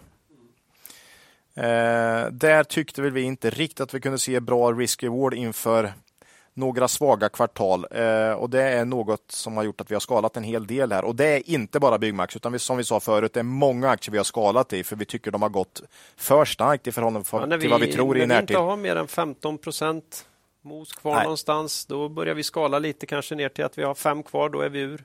Ja, sen har ju många gått utan någon ny positiv Ja, information. ja. Där vi är osäkra på rapporterna. Då har vi tagit bort lite chips från bordet. Och vi upplever att eh, omvärldsfaktorerna, de vi nu väger in, för det gör vi ju när vi tittar på bolag, de har också bara blivit sämre. Mm. Vår förväntansbild har ju blivit värre och det fick vi lite rätt i här, i alla fall i det här caset. Ja. Och vi är aktiva investerare och eh, om vi tycker förväntningarna har dragits upp väldigt mycket inför eh, rapporter som vi ändå förväntar oss ska bli hyggligt svaga, då kan vi sälja även om vi tycker att det långsiktiga caset är intressant. Då. Sen hade vi lite aktier kvar. Vi hade lite sålde. aktier Så- kvar som vi sålde på ungefär 45 kronor då på rapporten. Eh, vi väljer nu att se någon rapport från Sidinen här i och med de ganska dystra utsikterna. Som buy and hold tror vi fortsatt Byggmax ett bra val. Precis som vi sa i vårt buy and hold avsnitt där vi tog ut Byggmax. Eh, som vi sagt med med gånger här så arbetar inte vi med buy and hold strategi utan är aktiva investerare som jobbar med detta på heltid. Buy and hold tror vi dock kan vara ett mycket bra strategi för många investerare. Det är därför vi också har plockat ut eh, en buy and hold, plockat ut den här aktien i buy and hold då. Eh, min gissning är att vi kommer köpa tillbaka Byggmax under 2023. Det är en gissning, men jag Ja, tror du det. sa innan att vi kommer se någon från sidlinjen. Ja, Ja. troligen. Troligen. Men alltså det finns ju ett pris där vi, där vi köper finns alltid redan ett pris. idag. ja, det kan jag säga. För vi var, alltså, så, så blir det vi riktigt var, det var fortfarande så- lika osäkert när vi köpte in den i höstas till 38 Ja, eller 39. ja. Ja. Eh, vi får se om vi köper tillbaka den billigare eller dyrare än vi sålde. Det är alltid en risk att sälja bolag som man tycker har lång, är långsiktigt undervärderade. Eh, det kan komma ett bud. Ja. Eh, det kan gå mycket bättre än vad du har trott. Och så får du köpa tillbaka dyrare. Eh, men då, då gör vi det ibland. Vi Eller- köper också eller- tillbaka eller dyrare ibland. Ja. Missa möjligheten helt och hållet. ja, precis. Men sen ser ju Q1 jobbigt ut. Q1 ser mycket jobbigt ut och bolaget har väldigt svårt att bedöma Q2 och Q3 upp, upplever jag här. Ja, men, så, men framförallt så tryckte han ju flera gånger på hur svårt Q1 förra året ja var. men det, det, så är det ju. När han Ja. står här ser han ju Ja. i stort sett ett helt januari Ja. som vädermässigt har varit kanon Ja, det måste ha varit jättebra. Fan, Ja, och, och han är snordeppig. det Ja, är klart så som det är- tusan att... att Mm, ja, det är konstigt. Med Det är tanke tufft. på vädret borde ha gynnat dem tycker jag. Ja. Eh, ja, ja, vi lär nog återkomma här efter Q1. Den Q1 lär nog inte bli särskilt bra. Nej. Men som sagt, eh, vi får se. Vi äger inga aktier i Byggmax för närvarande. Hoppas komma tillbaks dock, för vi gillar bolaget. Kanske efter Q1. Kanske efter Q1. Privat och naturligtvis Byggmax. Ja, det var jag ju har också också kvar. i privat pensionsspar Samma buy and hold-portfölj. Där den passar utmärkt tycker jag. Så är det. Olika strategier. Så är det med det. Vi eh, går vidare här. Nästa bolag i bokstavsordningen här är Dometic på mitt papper. Eh, jag vet ju själv att eh, Dometics kyl och frysboxar kan ju hantera väldigt skiftande klimat i omgivningen och ändå hålla rätt temperatur innan mätet så att säga. Men hur kan bolaget hantera det nuvarande ekonomiska klimatet? Marcus. Så där skulle jag säga. Så där va, apropå- senast avsnitt 126. Apropå balansräkningar och jobbig och konsumentmarknad. Ja, är det lite samma? Mm. De var ju nykomlingar 126 också, Ja. så det var en ganska omfattande genomgång. Så gå tillbaka till den eh, för att få lite mer information. Då. Ehm, då sa vi att vi såg en långsiktig potential, var lite fundersamma över balansräkningen och eh, att det var rädslan för den som hade drivit ner aktien så pass mycket. Eh, Då var aktien, stod den ungefär 51 kronor, Eh, var ner 57 procent under 2022. Det är rätt kraftigt. Eh, Sen hade den en väldigt kraftig upprekyl, också 50 procent upp till toppen. Då. Ja, som Byggmax där då. Som. Byggmax. Ja. Eller exakt. Ja, precis. Och sen, men sen föll den 7% på rapporten. Så vad var det marknaden inte tyckte om där då? Jo, men tittar man på, snabbt på översta raden då, så steg omsättningen 11% till 6,2 miljarder. Det ser inte så farligt ut. Det var i princip rakt på vår gissning faktiskt och minus 8 från Pinpoints eh, prognos. Då.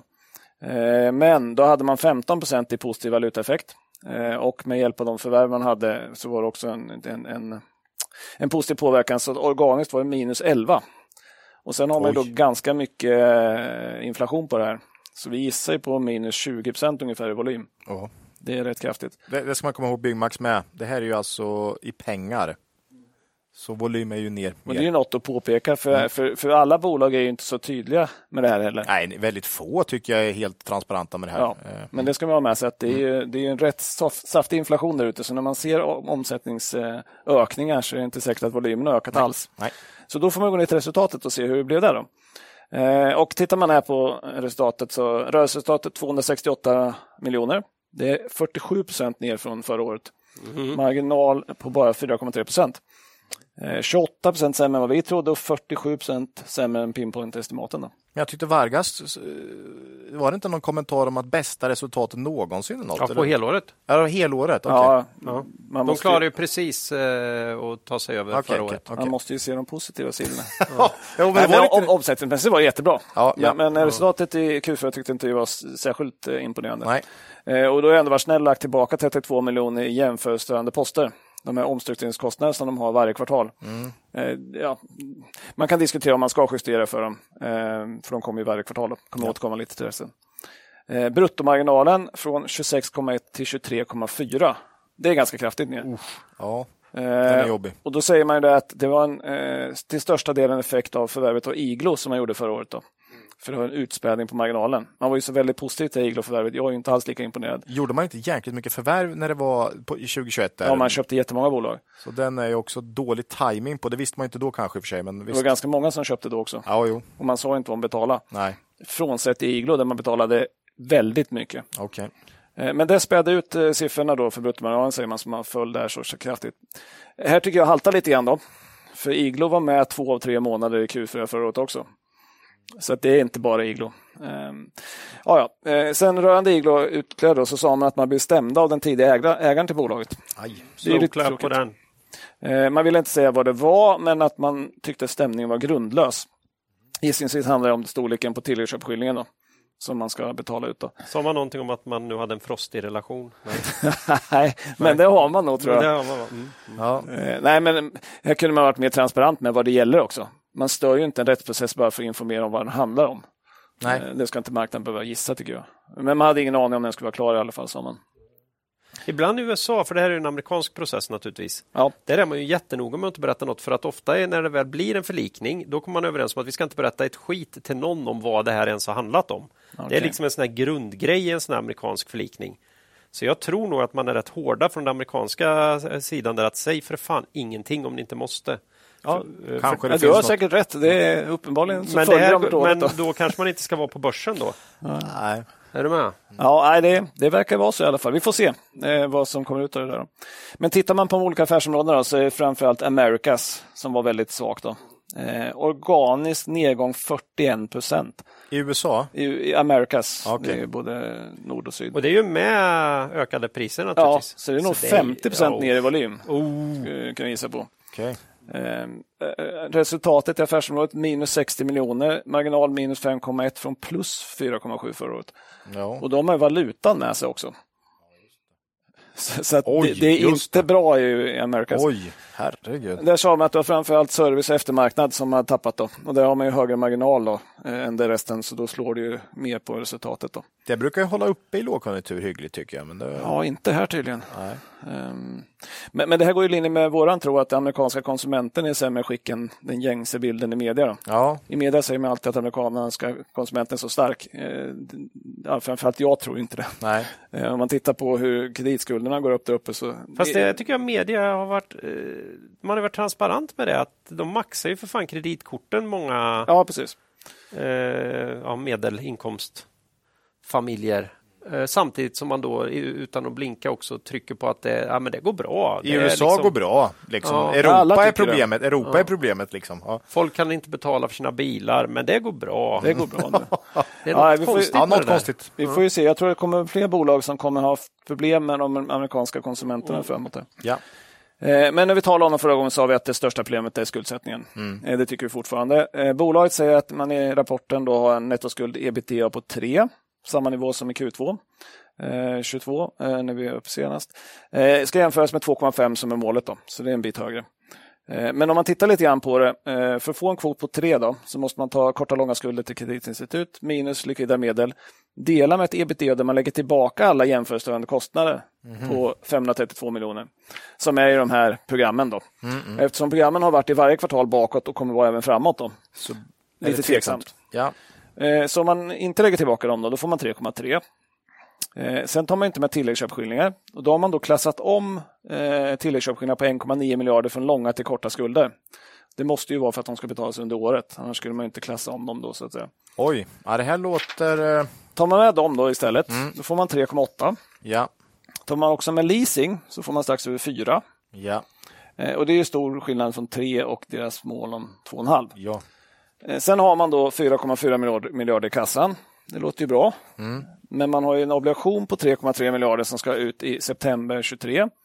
Tilläggsköpeskilling på 1,9 miljarder. Bara de två posterna innebär att man bränner hela kassan då, och lite till. Eh, Det innebär att man måste skrapa ihop mer pengar under året.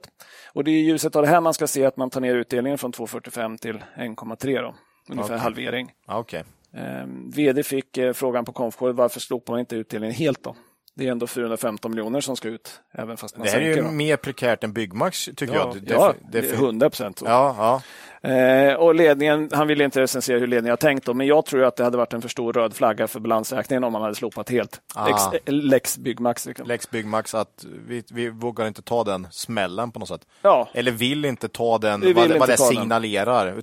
men jag tycker de här är mycket större behov av att ställa in utdelningen Ja, än vad ja. Byggmax var. Eh, så, så att oro, Ah, lite varning Dometic där. ja, oron för ja. balansräkningen har inte minskat efter den här rapporten. Nej, nej. Eh, Men hur ser vi på värderingen annars då? Eh, Ja, det är inte lätt att gissa vinsten här då, kan vi säga. Vi har nu 5,33 i våra ark då, men det är en väldigt osäker gissning. Analytikerna enligt Factset låg enligt eh, eh, för 2023 på 5,70 men det var innan rapporten. Jag skulle tro att man skruvar ner det lite grann. Ja, ja. Eh, Med kurs 68, eh, P 12,8. Mm. Det är ändå klart lägre än de 16-17 man legat på om man justerar lite för den här jättehöga värderingen 2021 ett tag. Mm. Eh, Men vi är inte så sugna på att köpa aktier ändå. Eh, Skuldsättningen är ju det stora problemet här. Ja, vi tycker det är jobbigt. Ja. Eh, vi hade ju även upp eh, Dometic om vi skulle ta med dem i buy and hold, men det följer på eh, balansräkningen. Ja. Så att det, och vi tror även på vinstminskningar de kommande kvartalen. Mm. Det, det ser ut så. Ja. Eh, oron för balansräkningen är kvar som sagt. Bra långsiktig potential ser vi fortfarande. Mm. Eh, vi har en lång mos, eh, men ah, kan bli emissioner. Jag tänkte precis säga det, att, eh, för, för de har ju ändå, även om de nu ska täcka den här obligationen som förfaller, så har de ju gott om lån kvar och de lär ju inte bli billigare. Nej, och, och, det Och någon kassa ska man ha, så någon slags be- belåning kommer man ju behöva ta på sig. Ska man ta upp några emissioner? Det kommer ju bli något helt annat. ja, den kan ju bli dyrare klart. Ja. Vilka är storägare här? Har du koll på det? Ja, jag har Men- inte men det är ingen- på- det är inget kött det- och blod Det, det, det är mycket fonder. Ja, ja. Så att, eh, nej, vi, vi får se. Alltså det finns värden i bolaget. Det- är Eh, jä- jäkla fin historik vad gäller försäljning och så. Ja. Eh, Bra produkter. Så det har ju inget med det att göra, utan det är balansräkningen här som stökar till det rejält. Alltså. Det är ju som så en liten risk att man gasade för mycket 2021 och köpte för mycket bolag och Ja. försvagade balansräkningen för mycket i fel tillfälle. Ja. Ja, väldigt mycket lika typer av bolag kommer jag på nu. Jag ska också ta ett här snart. Men Byggmax köpte ju tillbaks en hel del 2021. den var ingen alltså vidare. på väldigt höga kurser ju. Det var som att det gick lite för bra. Man kände att det, du vet, det brinner i fickan med pengarna. Va? Eh, Jag, jag såg en kul grej på Twitter. Det var någon som skrev det borde införas en regel om att inga bolag får återköpa aktier om de är inom 15% från all time high.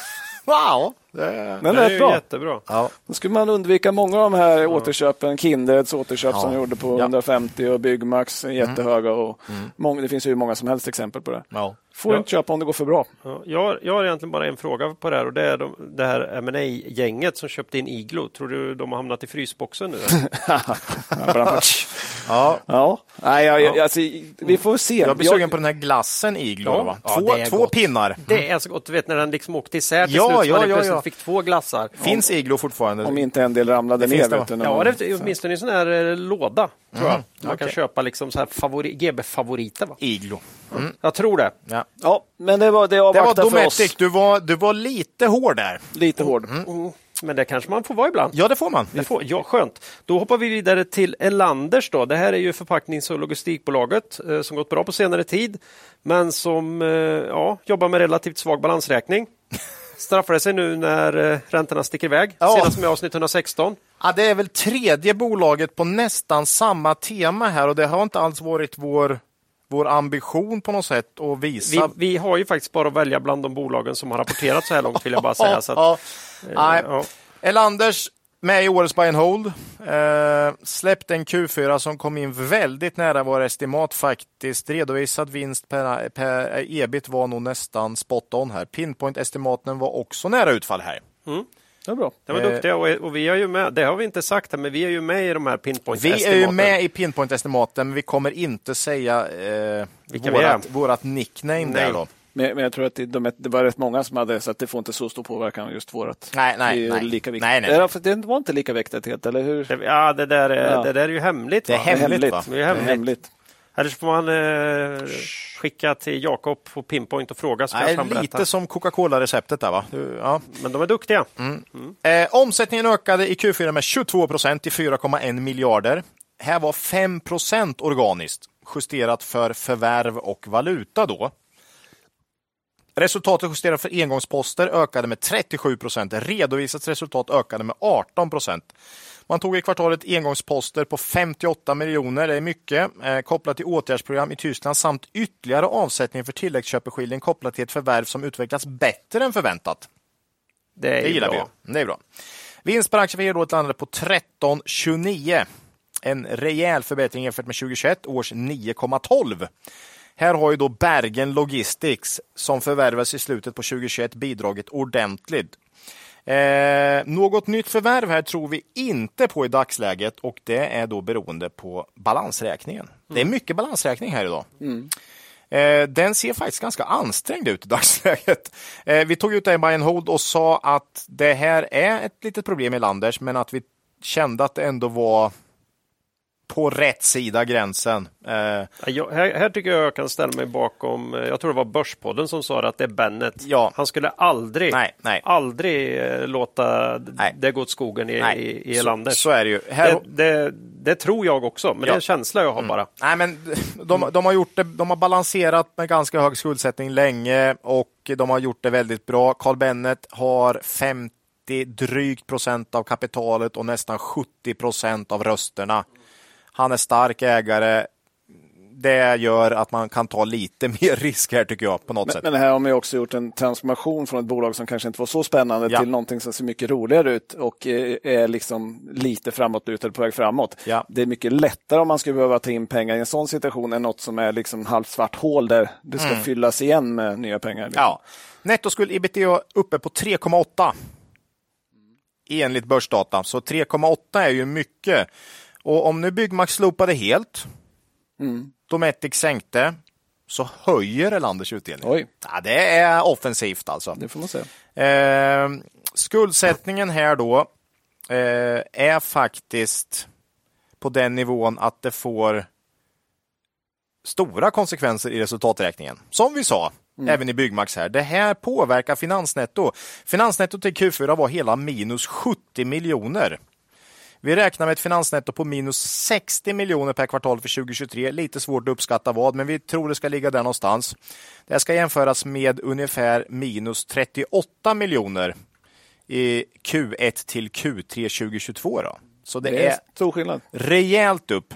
Och Det här är något som, som jag sa förut kommer påverka många skuldsatta bolag under 2023. P talet blir mer relevant. Eh, Vi tror dock att Elanders kan klara av en kvarts miljard i negativt finansvetto per år, vilket det nu blir. Eh, Men som sagt, det tar bort väldigt mycket av vinsten. Eh, Och det jobbiga med svaga balansräkningar är ju om det börjar gå sämre. För finansnettot ligger kvar på samma nivå. Om du då får mindre ebit, då blir det väldigt stor del som äts upp av det där till slut. Så att, eh, det är jobbigt. Eh, nu är det inget som säger att det kommer bli riktigt jobbigt för Elanders, men en lågkonjunktur skulle kunna påverka Elanders negativt också, eh, utan tvekan. Eh, och aktiemarknaden brukar som sagt inte vara så snäll mot bolag som får problem med svaga balansräkningar. Som sagt, Carl Bennet, eh, solklart positiv när det kommer, skulle komma till en sån situation. Då. Eh, inför 2023 räknar vi med eh, enbart organisk tillväxt. Jag ser det som helt uteslutet att man ska förvärva något mer med den här balansräkningen. Eh, och vi tror den organiska tillväxten blir låg med tanke på konjunkturen. Erik Penser Bank räknar med oförändrad omsättning 2023 och det tycker vi känns rimligt. Kollar vi på Pensers resultatantaganden här för 2023 så tror man på en nästan 25 procentig ökning av vinst per aktie. Här är vi betydligt mer konservativa. Vi tror på ungefär samma vinst för 2023 som 2022. Eh, Vi gissar också på någon något högre ebit-marginal, men vi tror att den högre ebit-marginalen äts upp av finansnettot. Det är vår gissning. Så då hamnar du på ungefär samma vinst per aktie. P 13. Eh, ah, lite svårt. Trots väldigt stark tioårshistorik har jag svårt att motivera mer med tanke på balansräkning. Här är ev ebit 16. Det är intressant. Någon sa här, kommer du ihåg det? Nej, jag vet, men jag vet inte vem. Det är en varningsklocka när ev ebit är klart högre än PE. Och, men det är ju ett tecken på att balansräkningen är lite svag. va? Ni kan ju se om det är några av våra lyssnare som kommer ihåg. Vem är det som har sagt det här först? Ja, för PE 13, ev ebit 16. Mm. Direktavkastningen 2,4 procent, så det är inte jättemycket. Det är Eh, en jävla bra tumregel det där. ja, den är inte så jävla Jag, dum. jag, ju mer jag tänker på det desto bättre. Jag gillar den inte alls först för jag tyckte det är för enkelt. Men Elanders aktier har gått väldigt starkt under inledningen av 2023. Plus 16 procent på en månad. Aktien är plus 21 procent sedan vårt buy and hold-avsnitt här då. Eh, vi äger inga aktier i Elanders för närvarande. Vi tycker skuldsättningen är lite för jobbig, men vi tror precis som vi när vi sa i vårt buy and hold-avsnitt här att man kommer reda ut det där och om det behövs pengar så fixar Bennet det. Men eh, som sagt, ah, lite flagga för balansräkningen här även i Elanders. Har vi något kapit- välkapitaliserat bolag Det här? kommer. Det kommer, okej tack. Jag tänkte det blir samma. Mm. Men det om Elanders. Ja. Bra rapport, men skuldsättningen lite väl hög här. Och, eh, eh, en sak till förresten. Elanders kommenterar faktiskt den högre räntekostnaden en hel del. ja, Så man var väldigt tydliga med att det här blir tuffare framöver. ja. Ja. ja, det är ju positivt. Ja. Transparens. Mm. Det om Elanders. Ja, vet ni vad? Nej, När vi spelade in det här avsnittet Mm. så har bara 9% av alla svenska noterade bolag rapporterat. oj, Så det finns massa rapporter massa kvar. godis kvar. Ja. Och varför då inte ta hjälp av vår sponsor Pinpoint Estimates för att navigera i rapportsäsongen? Mycket bra tjänst. Ja, för de lyssnare som missat Pinpoint eh, så hittar man dem på pinpointestimates.com. Och det här är ju en gratis estimattjänst där alla typer av eh, investerare kan gå in och lämna sina estimat inför en kvartalsrapport eller för ett räkenskapsår. Och när man lämnar sin estimat eh, får man se Pinpoints konsensus av alla andra investerare som också lämnat sina estimat på de bolag som man är intresserad av. Ja, och, och an, vi ser också, vi har ju följt Pinpoint här sedan start nästan, Mm. Ja. och att eh, antalet estimat går upp hela tiden. Ja. Så, så det blir fler och fler som lägger estimat, vilket då Och, och, även i, ökar. och nu har man ju också alla bolag, Mm. eh, svenska bolag och eh, även de här riktigt små bolagen. Mm. Där man kanske inte finns något annat sätt att få reda på vad, vad jag har en idé här men är, jag helt ute och cyklar? Ja men då kanske du har några kompisar i alla fall på Pinpoint. Mm. Ja. För det är ju det det är, man går tillsammans och, och eh, crowdar ihop ett bra Mm, precis. bättre och bättre estimat. Och ju fler vi blir, desto bättre blir det. Vi använder ju Pinpoint. Mm. Vi har en hel hög med estimat inlagda. Eh, vi gillar tjänsten, men det ger ju också tillgång till de här. Och vi får ju också tillgång till de här konsensusestimaten när vi lägger in. Intressant. Mm. Ja, jätteintressant. Eh, Pinpoint vill ju uppmuntra fler investerare till att testa fördelarna med tjänsten. Därför är ni automatiskt med i utlottning av en årsprenumeration på DI Digital. Det hör ni va? Ja. Eh, om man nu loggar in på pinpointestimates.com och lämnar ett estimat på minst ett intressant bolag senast den 28 februari. Här har jag inte tänkt på innan, men här står det att det ska vara ett intressant bolag. Så man får ju vara jätteförsiktig så man inte lämnar på ett ointressant bolag. Men jag har inget facit på vad som är vad den Jag tycker ju alla bolag är Ja, jag intressanta. tror de tänker sig att det är det du själv är intresserad av. Ja, ja. Eh, Det här är oavsett om man är ny eller gammal investerare på Pinpoint. Mm. Vinnaren lottas fram och kontaktas via mail efter tävlingens slut. Det är digital kan man vinna då, Ja, en prenumeration. ja, så gå in och lägg in er estimat. Tack Mm. säger vi till vår sponsor Pinpoint. Eh, bolag, vi går vidare här. Och eh, det har blivit dags för Note. Ja, Kontraktstillverkaren som verkar ostoppbar för närvarande. Det är en ny rapport och en ny succé. Eller? Eh, avsnitt 128 senast. Så vi, Ny rapport, ny succé. Ja, det låter ju med- fantastiskt. Vi hade ju med storägaren här. Eh, Ja, men Not var med senast 128 eh, efter bolagets Q3. Mm. Eh, kursen 159 kronor. Vi, vi sa då att värderingen var åt det låga hållet eh, för ett kvalitetsbolag som Not. Eh, vi sa också att eh, Not eh, skulle gå upp mot ett svårt jämförelsekvartal för Q4-rapporten. Då. Eh, efter det här avsnittet har vi haft intervju med huvudägaren i Not, Johan Hagberg, Mm. avsnitt 133. I- Japp. Det var ju väldigt uppskattat. tycker jag den ska lyssna in på om man inte hunnit med det. Eller missat den så att säga. Nej, det där, vi har nog aldrig fått så mycket uppskattning för något vi har gjort Nej. som, som den intervjun. Så har ni missat den så vi tyckte också det blev bra. Ja. Men det är så svårt att veta själv.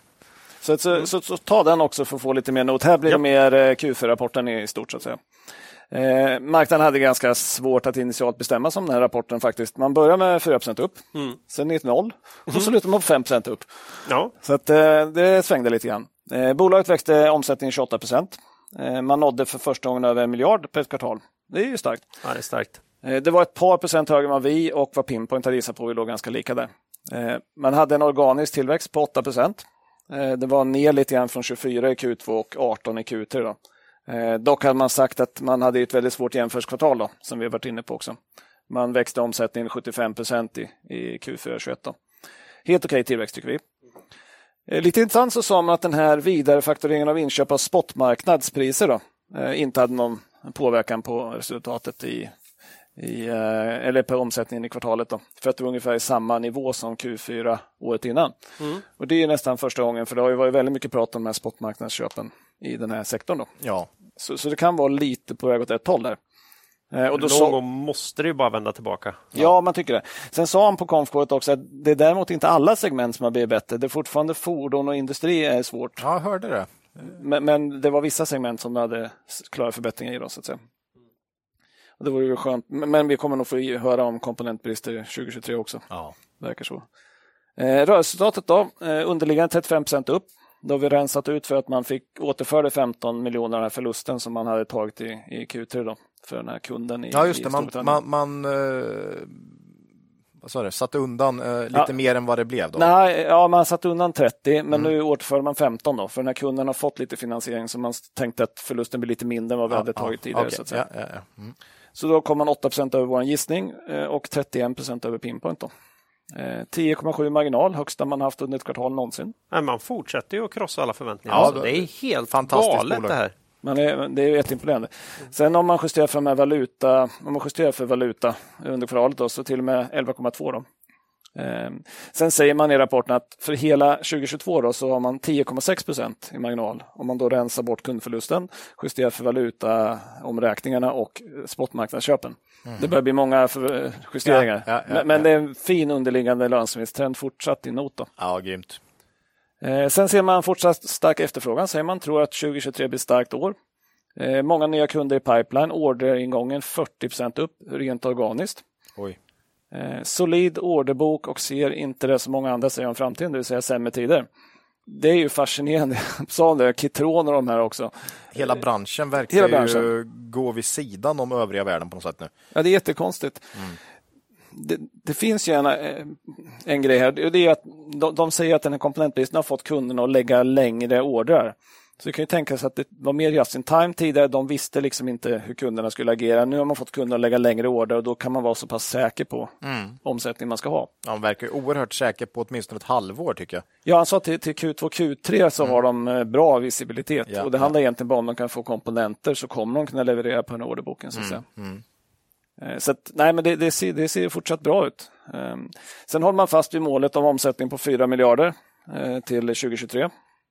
Eh, Man sa någonting i stil med att man guidar på sitt lowest estimate number. Eh, ja, för, för den här orderboken tyder på mer och vi tror att det är lite konservativt. Ja. Man, kom, man guidar för en miljard i Q1 och Q1 är det svagaste kvartalet.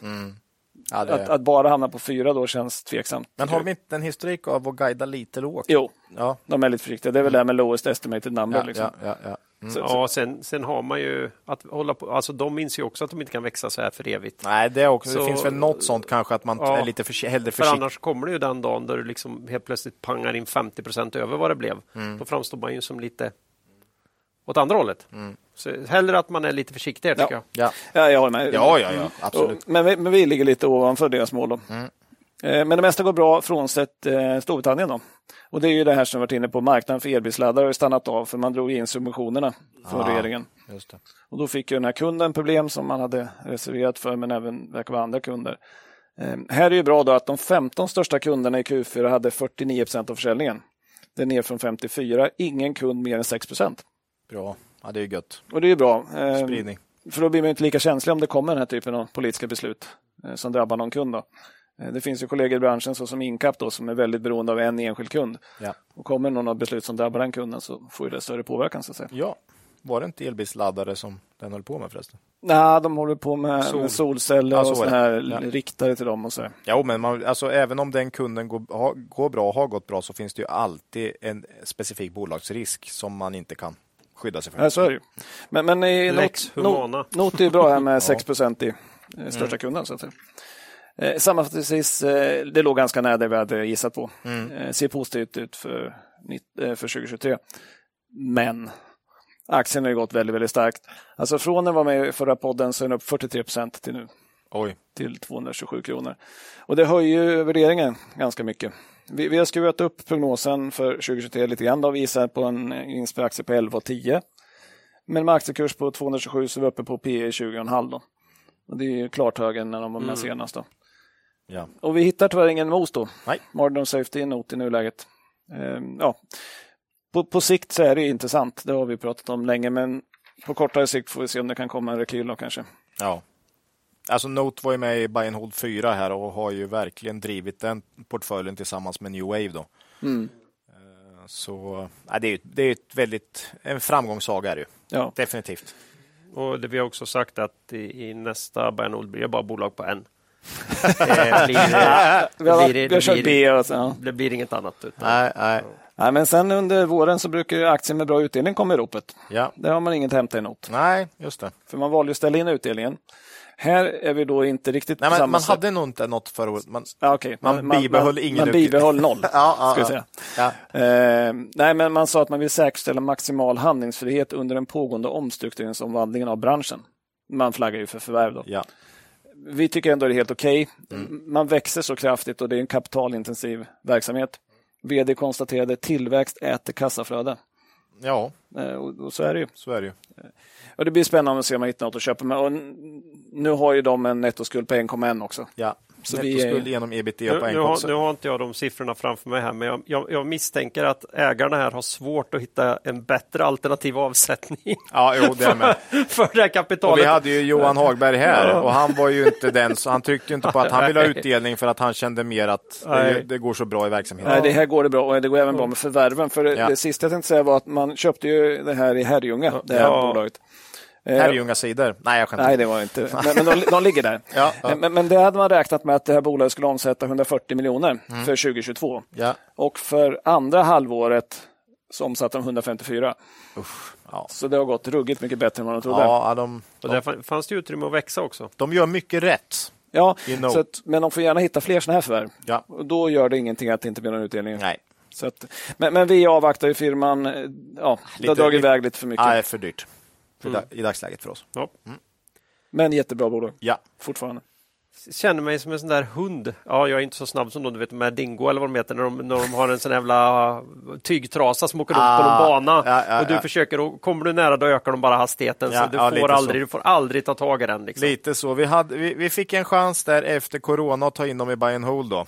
Eh, Men eh, ja, det är gött att den är med där. Men det var när, vi, vi sa ju att det var långsiktigt faktiskt intressant här när vi tog den för, Jo, förra jo gången. ja, men då hade vi lite mos Lite faktiskt. mos. Ja. Ja. Men, men sen drog den iväg. Ja, nu är det lite väl Nej, mycket inbakat. Vi får se. det.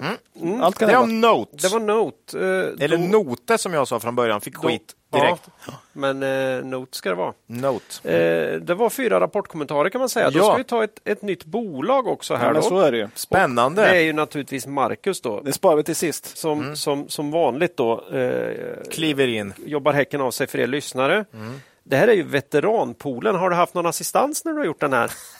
Nej, du har Nej. gjort den helt själv. Du har gjort den, okej. Jag, jag, jag pratade med farsan, han är ju Han är veteran. veteran. Han är Han är veteran. veteran. Ja, han är ju, eh, han är ju, nej, bolaget, det är ju Nykomling podden Mm. eh, och de anställda här är ju, ja, man måste väl inte vara pensionär, men många är det.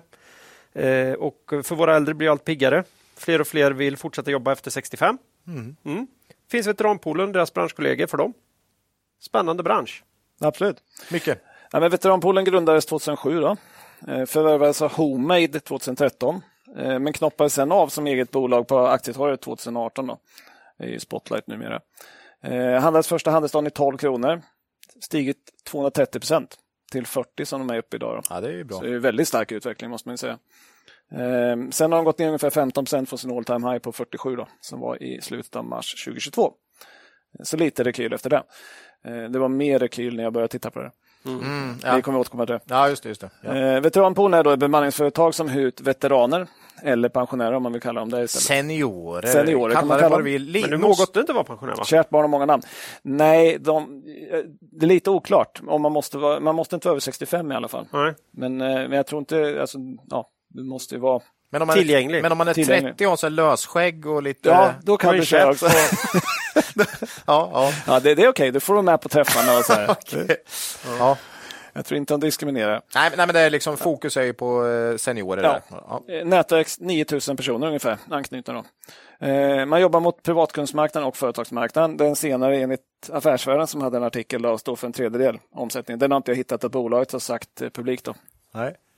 Men exempel på kompetenser då, som efterfrågas från privatkunder är snickare, målare, trädgårdsmästare, trädbeskärare och städare. Toppkategorier. För företagskunderna redovisningspersonal, löneadministratörer, chaufförer och fastighetsskötare. Lite annorlunda. Men, men, ja. Sen säger man själva att man vill ha en naturlig brygga för den som inte vill arbeta kvar på ordinarie jobbet men samtidigt inte bli pensionär på heltid. Eh, här gynnas ju bolaget av att dagens pensionärer blir allt piggare och att många gärna jobbar lite längre upp i åldern. Ehm, och Det är ju nog många som känner att man vill inte gå från att arbeta fulltid till att inte arbeta alls. Då. Ehm, Via den här typen av arbete så kan man välja friare när man vill arbeta än inom traditionellt arbetsliv. Då. Man kanske vill arbeta på vintern för att kunna njuta av sommaren eller arbeta på sommaren för att kunna åka iväg på vintern. Så. Eh, Veteranpoolen lyfter fram en massa fördelar för kunden, kunderna då, att använda bolaget. På många andra arbetsplatser, arbetsplatser finns det ju personer som i alla fall en del hellre kanske skulle göra något annat än att jobba just där. Ja. Men på veteranpoolen så har man ju då valt att arbeta istället för att vara ledig. Så Det, det det blir, blir liksom en annan drivkraft på något sätt. Nej, men Då rimligt- vet du att du ändå du Ja. vill vara där. är rimligt att tro att man är lite mer motiverad. Ja. Ska jag säga. Det finns ju alltid någon sur jävel där också. Det, det, det måste Såklart. det finnas på alla arbetsplatser, annars är det... Inget, ingen regel utan undantag. Ja. Nej, men det, det är ju väldigt konstigt att gå omkring där och sura när, man, när man kan gå hem precis när man vill. Så Ja, men? Ja. Så att, eh, nej, men det tror jag faktiskt är en USP för dem. Ja. Eh, sen kan ju många rycka ut med kort varsel också. Eh, man är ju pensionär och hemma och ledig, tänkte jag säga. Eh, så ett ex exempel som de gav var när SJ snabbt behöver få in folk i sina trafikstörningar. kan man få in en, eh, ett gäng pensionärer som kan guida resenärerna. Min tror jag kanske att man skriker lite mindre på en, en snäll farbror eller en, en Tant. eller tant som, som, som berättar vart man ska ta vägen. Eh, sen har man ju tillgång till spetskompetens, håller man fram också, eh, som kan vara svår att hitta liksom, eh, på andra ställen. Personer som har specialkompetens som helt enkelt Eh, ja, eh, har slutat men eh, kan rycka in med ganska kort varsel. Det kan ju vara ganska svårt att få tag på för de kanske sitter upptagna på andra jobb och svårt att hitta så här så att säga. Sen har man en ekonomisk fördel som företag. Då. Man betalar en lägre arbetsgivaravgift vid seniorbemanning, 10,21 då, istället för 31 va, någonting. ja, något sånt. 30. Nu skulle jag sagt att ja, men 31, komma något är det va? Ja, 31, något tror jag. Ja. Men det är ganska stor skillnad. Eh, Och det gäller ju så länge personen är över 65 år, års ålder. Då. Ehm, och som vi förstår har man samma prissättning, eh, även om man skulle vara 66 eller 64 när man hyrs ut. Då. Ja. Så att, eh, nej, men det är en väldigt stor fördel. Ja. Eh, Affärsvärlden hade en bra artikel om bolaget i oktober 2022. Rekommenderas för den som kan, ja, är intresserad av bolaget då, att kolla på den också. Man gick igenom hela marknaden då för seniorbemanning. Den har växt ordentligt från 500 miljoner 2018 till eh, 900 miljoner idag. Då. Eh, De fyra största bolagen i branschen står för 75 procent av omsättningen. Så ganska koncentrerat. Då. Resten är en antal mindre aktörer. Då. Eh, Men veteranpoolen är klar marknadsledare, 40 procents marknadsandel. Då Ja. såklart störst.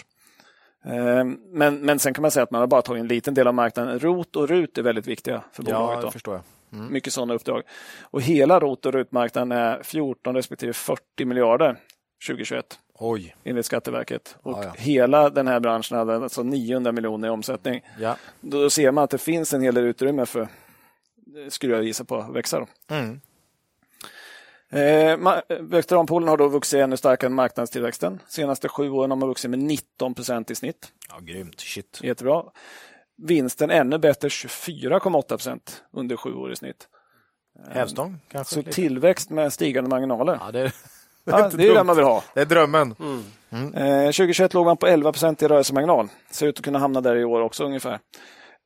Här är det lite svårt. Man ökar marginalen jättefint. Men, men över 11 procent, det börjar bli liksom...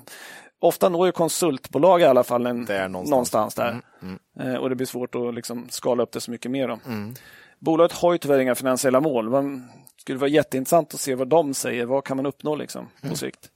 Eh, Ja, vi får se om det kommer lite vägledning framåt. Då. Eh, Den starka finansiella utvecklingen då, som bolaget har haft blir ännu mer imponerande om man säger, berättar för någon att man har gått igenom covid-pandemin. Ja, hur gick det? Hur gick det? Ja, man tänker efter, finns det någon affärsidé som ni skulle kunna känna det här måste bli problematiskt? Vi Vi, skickar ut pensionärer till människor. Som, som, som kunderna ganska ofta också är pensionärer. Mhm. Eh, och så får vi en pandemi där just eh, liksom, den Alla äldre befolkningen kan bli allvarligt sjuk i smitta. Kunderna ska inte träffa någon och eh, de ska inte ut i samhället. Ja, det, kä- det låter svårt. Ja, verkligen. Eh, och, då bli, och då sa man i Q2 2020 då, när det här kom att en hel del kunder pausade, ställde in eller bokade av uppdragen. Då. Samtidigt som en del veteraner valde att, eller blev tvingade att avstå från uppdrag. Naturligt. Ja. Och då tänkte man det måste gått åt skogen fullständigt. Mm. Eh, man gick ner, omsättningen tappade 11 procent under 2020.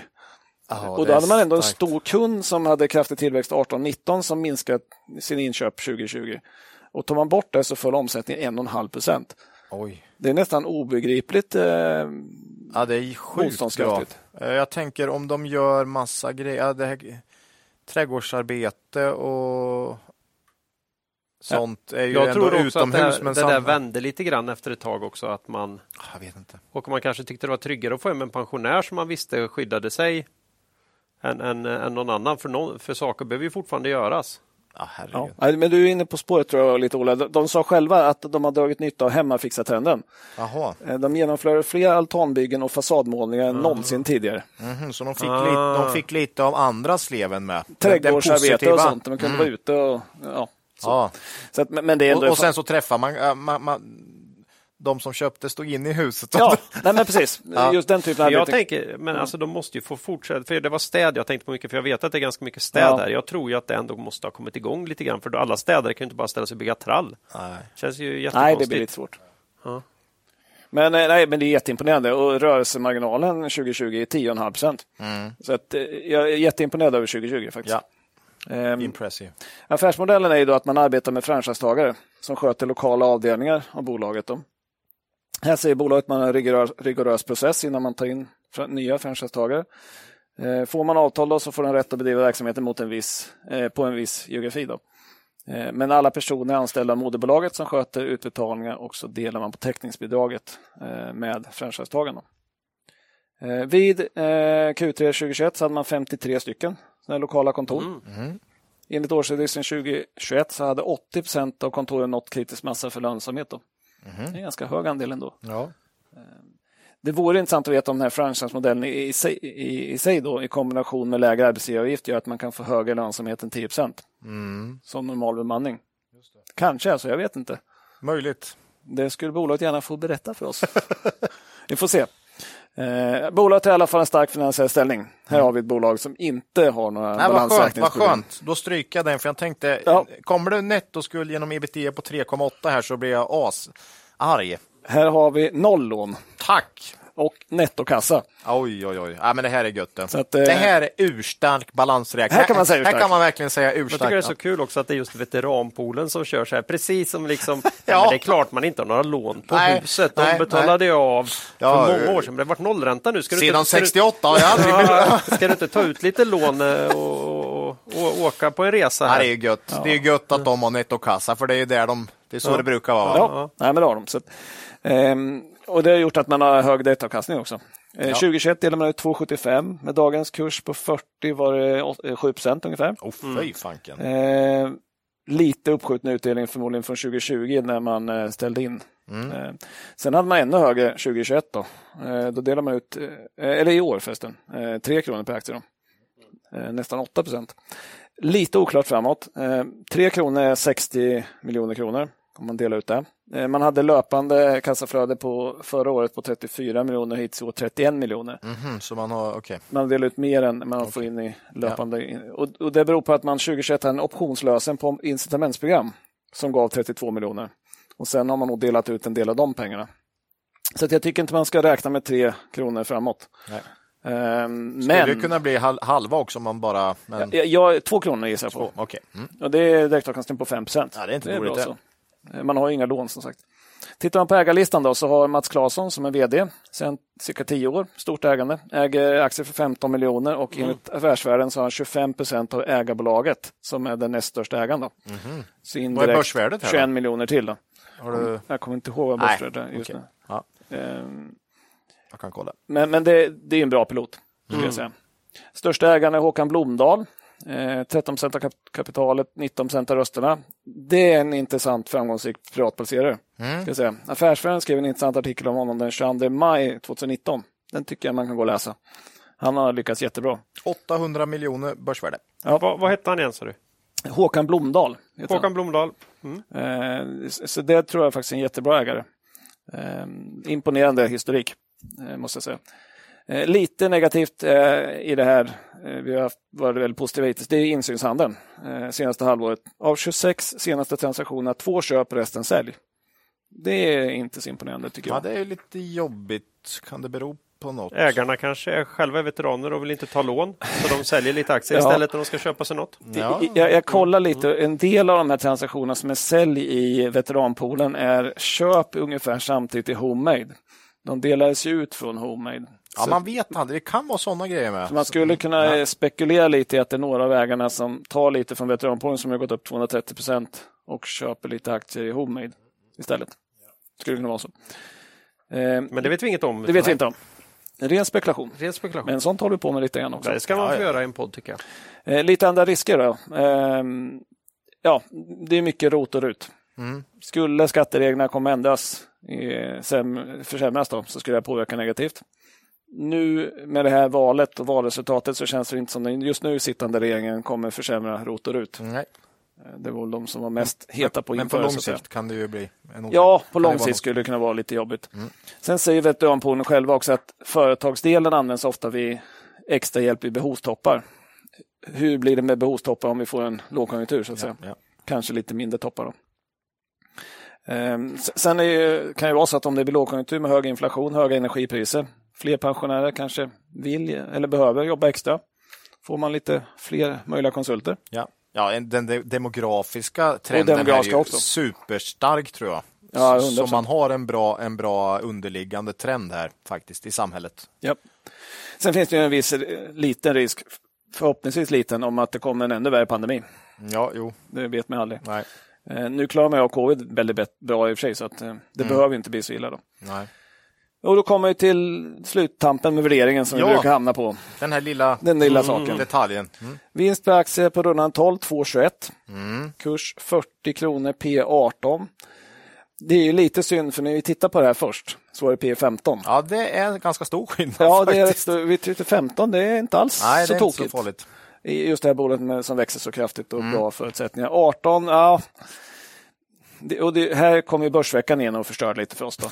Ja. för man gav ju ett köpråd i mitten av januari och aktien upp 25 procent på en månad. ja, men herre, ja, så den, den eh, artikeln fick effekt alltså. Det fick Kanske inte bara det, men visst. Det Ja, det, en det, den drog faktiskt stenhårt på den artikeln. Jaha, okej. Eh, ja. Sen har ju tillväxten stannat av lite grann senaste tiden. Man Mm. publicerar varje månad producerade timmar. Det är ganska bra. Ja, just det, det har jag sett ja. Ja, Så kan man se hur det har gått den Mm. Ja, månaden. Då, ja. Och I början av 2022 så låg man 40 till 60 procent tillväxt. Mm. Väldigt, väldigt kraftigt. Men de senaste månaderna sen efter det så ner mot 10 procent, november minus 3. Sen i december vä- vänder det upp till plus 16. Och- Men då kan det vara lite sån här arbetsgivarjul i år. Ja, just det, just det. Det var det ju. Det var ju väldigt få uh, helgdagar runt jul. Samtidigt jobbar ju inte pensionärer. Nej. Nej, det är en bra fråga. Eller jobbar de extra? Eller jobbar de alltid? Eller, ja, jag vet de kanske, Nej, de vill nog... Man kanske hyr in lite pensionärer. Vet du, Oerhört svårt. Under Ja, jul. ja you, know, you never know.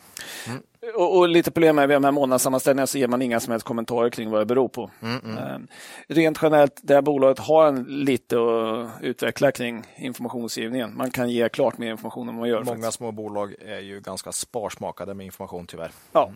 Men det gör också lite svårt att gissa utvecklingen för 2023. Eh, bolaget pratar i Q3 om att man har svårt att möta efterfrågan som man ser. Eh, och att mer resurser läggs på att nå fram med jobberbjudanden till de som man vill ta in. En faktor som kan påverka utbudet bra nästa, eller nästa år, i år. Då. Mm. Det är svårt det. 2023, 23. ja. ja. Det är svårt det där. Och det är att man får ju, det är skatteförändringar som trädde, trädde i kraft i årsskiftet. Då. Jaha. Eh, Från det året man fyller 66 får man ut förhöjt jobbskatteavdrag och från 67 förhöjt grundavdrag. Så att det blir mer, ännu mer lönsamt att jobba. Då. Jag tror det var en artikel i DE idag, tror jag, eller igår, om det här också. Ja, just det. Eh, Och det borde gynna senioruthyrningen. Då. Där har du ju en, där har du ju en stark politisk trend att, att man verkligen vill att, att pensionärer, eller vi ska jobba längre. Ja. Så, Nej, den, den känns också och stark. få ner samhällets kostnader för, för de framtida seniorerna. Mm. Ja, de minskar naturligtvis om och ju längre, ju längre man är med och bidrar och jobbar. Så man är beredd att ja, Det är det som är långt. lite fint tycker jag. Med. Jag tycker att det här är win-win för alla. Mm. När det här växer. Ja. Det är bra för pensionärerna, det är bra för bolaget, det är bra för de som får hjälp av det här. Ja. Eh, och en hel del av jobben kanske inte hade blivit av riktigt på samma sätt annars. Jag tycker det är bra för alla. Ja. Lite kul, mycket debatt har ju varit vem ska ta hand om våra gamla? Ja, de gamla uppenbarligen. Ja. Ja, vissa gamla kan hjälpa till att ta hand om andra gamla. Eller så tar de gamla hand om de ännu äldre. Ja, Nej, men det, jag, jag förstår ju att en del av de här städuppdragen går ut på att liksom, du städar hos någon äldre som gärna vill ha någon annan äldre så, som gör det och som, som samma person hela tiden och att de kanske sitter kvar och tar en kaffe efteråt när de är klara för att de har ändå ingenting annat som de ska finns en precis, rusa iväg trygghetsaspekt. till. Det finns en trygghetsaspekt i det där också. Det är så Och även vissa myndigheter som, som vill ha äldre arbetskraft för det ger mer pondus i, i liksom myndighetsutövningen än om du skulle ha någon som är 18 år. Och, Ja. och sådär. Så att, jag tycker det är bra. Är du gammal när du är 65? Den är också... Ja, inte lika gammal nu Nej, längre känns det Ja, som. men den här, det här liksom 50 nya 40 och så vidare och 60 nya 50, alltså det fortsätter ju bara. Ja, och känns 70 lite som även den, 60. den trenden fortsätter hela Den tiden. gamla guldkryckan med 50 känns ju bara fånig idag. Ja. Mm. Förutom, förutom, för dig, pappa, förutom dig Norola med dina paddel, Du vet, paddelkrämpor. Alfons Åbergs pappa, Pappa. var väl tänkt 34 något va? var det inte så? Jo, den är så klassisk. Den är så jävla... Ja, och, och, och, och Tjorvens, Tjor- eh, det är inte Tjorvens pappa utan vad hette han här? Mel Melker, farbror Melker, han, han, vad var han då, 40 eller? Ja, precis. Ja, Affärsvärlden gissade i alla fall i analysen från oktober då, på en vinst per aktie på 1,81 för 2023. Eh, Vi gissar lite högre, tror man kan matcha årets vinst. Då. Mm. Eh, Tidningen kom då fram till att en aktie var ganska rimligt värderad. Det tycker väl vi på gränsen nu, Mm. i och med att den har gått så väldigt starkt senaste månaden. Vi hittar ingen mos för firman i det här just nu, Nej, men vi kommer följa det. Det är ett intressant bolag. superintressant tycker jag. Jag köpte in en post till pensionssparet när jag började titta på det här. Mm. Värderingen var lite lägre. Innan Börsveckan gjorde samma sak. Ja. Jag tycker det passar bra med pensionärer till pensionssparandet. Ja, det är klart. Ja, jag tror det här är bra. Har de snackat något om utlandet och så? Kan man expandera det här eller? Jag vet inte, man, man pratar inte något om det, men man Det säger ju inte så mycket i rapporterna. Nej, nej, Ska nej. jag säga. Så att, eh, men jag tror det finns mer att göra i Sverige. Jo, det känns ju så om, om det är en miljard här knappt eh, i omsättning i, i Sverige totalt då. Ja, Och sen så har du liksom rot och rut på ja, vad var det? 55 50 miljarder. miljarder. Ja. Mm, så kan man säkert ta lite mer där. Sprider det till andra länder med god tandhälsa hos de äldre. Who knows? Härligt! Ja, nej, men jag tycker det är jätteintressant bolag måste jag säga. Veteranpoolen, kul! Ja, Nytt bolag. Så är det. riktigt tack. Ja, Ja, det var kul. Mm. Ja, I det här avsnittet då, eh, välkomnar vi åter vår sponsor Dagens Industri till podden. Eh, den stora osäkerheten i ekonomin och i samhället i stort gör att eh, behovet av pålitlig journalistik är fortsatt stor. Kan, man ju, kan man dessutom som idé få de här nyheterna och reportagen i en välskriven, granskande och ja, lättförklarande form. Det är ett stort plus.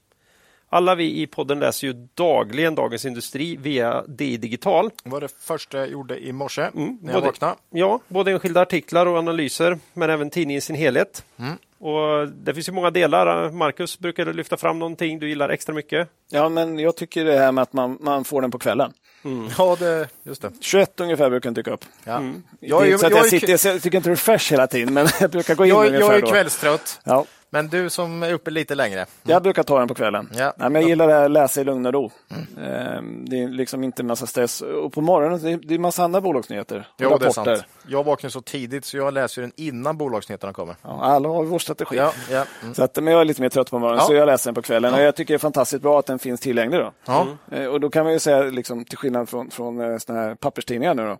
Vi har en nära vän då som, som bor i Linköping. Han är lite upprörd nu för att Östgötakorrespondenten har informerat om att den här tidningen som han har fått då, dagen eh, liksom på morgonen ska numera gå till tryckeriet tidigare. Så att sporten som är på kvällen hinner tyvärr inte med. Den hinner inte tryckas, nej.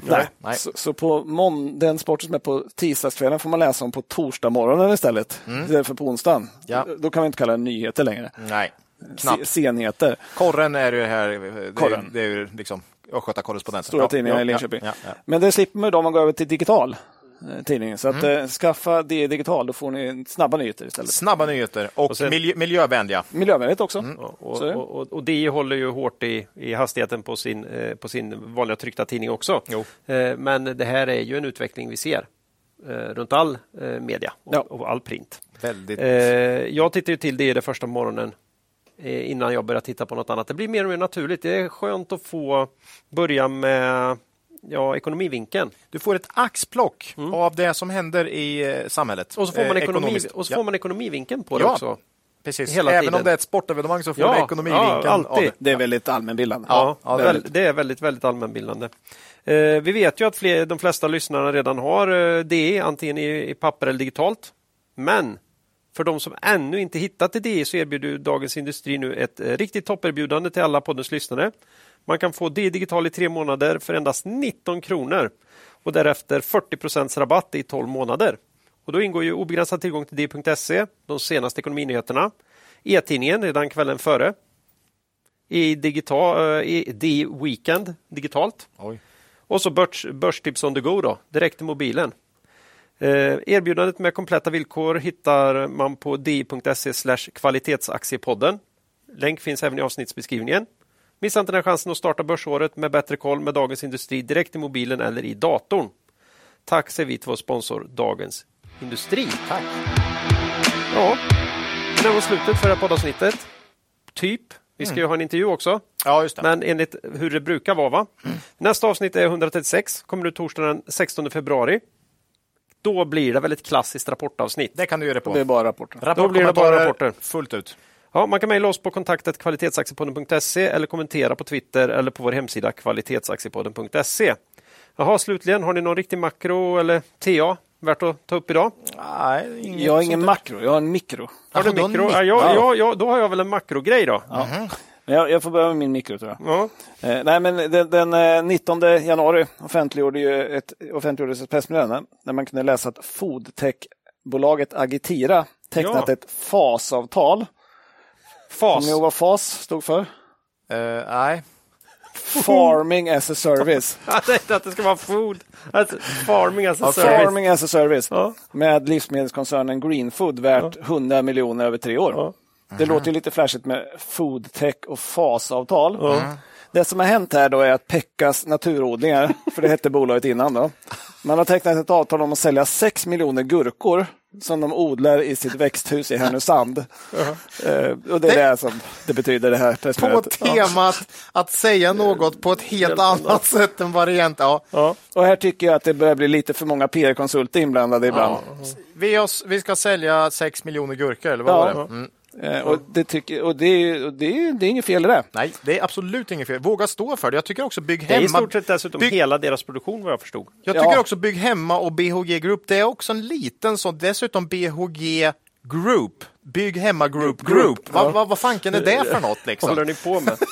Ja, nej, men allt ska Ja. låta så jäkla fint numera, high tech. Kalla mig gammalmodig, men säg som det är var istället. Det, det får mig också tänka på när de började eh, mecka med de här matsedlarna på lunchrestaurangerna. Ja. Liksom, helt plötsligt så var tomatketchup var tomatkonkassé och sådär. Liksom. Det, det skulle Det stod aldrig potatismos heller, det skulle vara stomp eller något. Ja, Ja, liksom smörslungade. Det, vadå? Ja, vad fanken? Säg vad det är. Ja.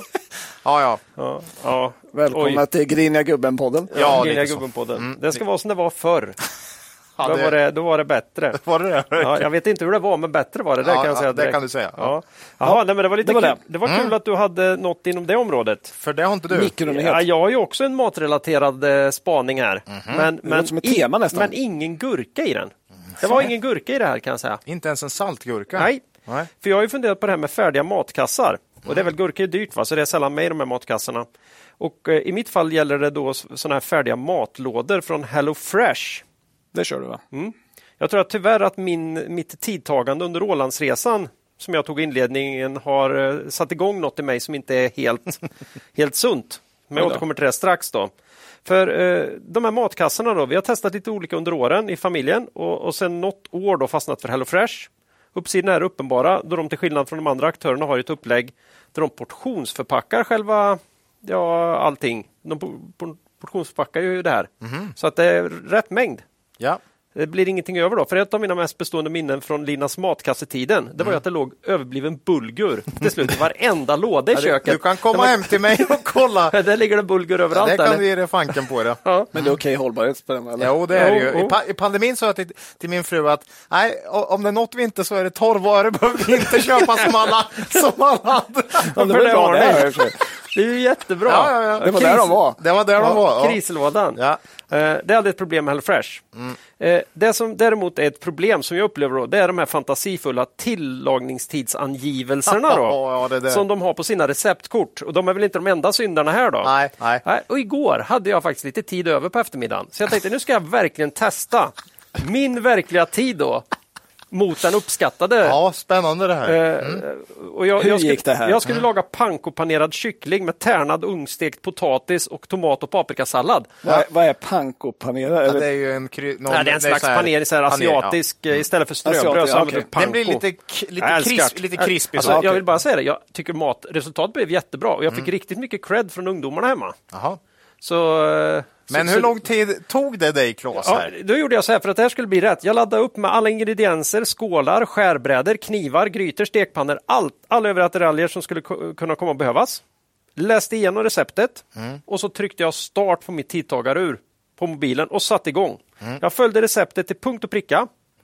Angiven tid på receptkortet 30 till 40 minuter. I, ja, ja. Vad tror du min sluttid blev här? Ja, timmen får du Högre säger jag. Koncentrerat ostört jobbar jag.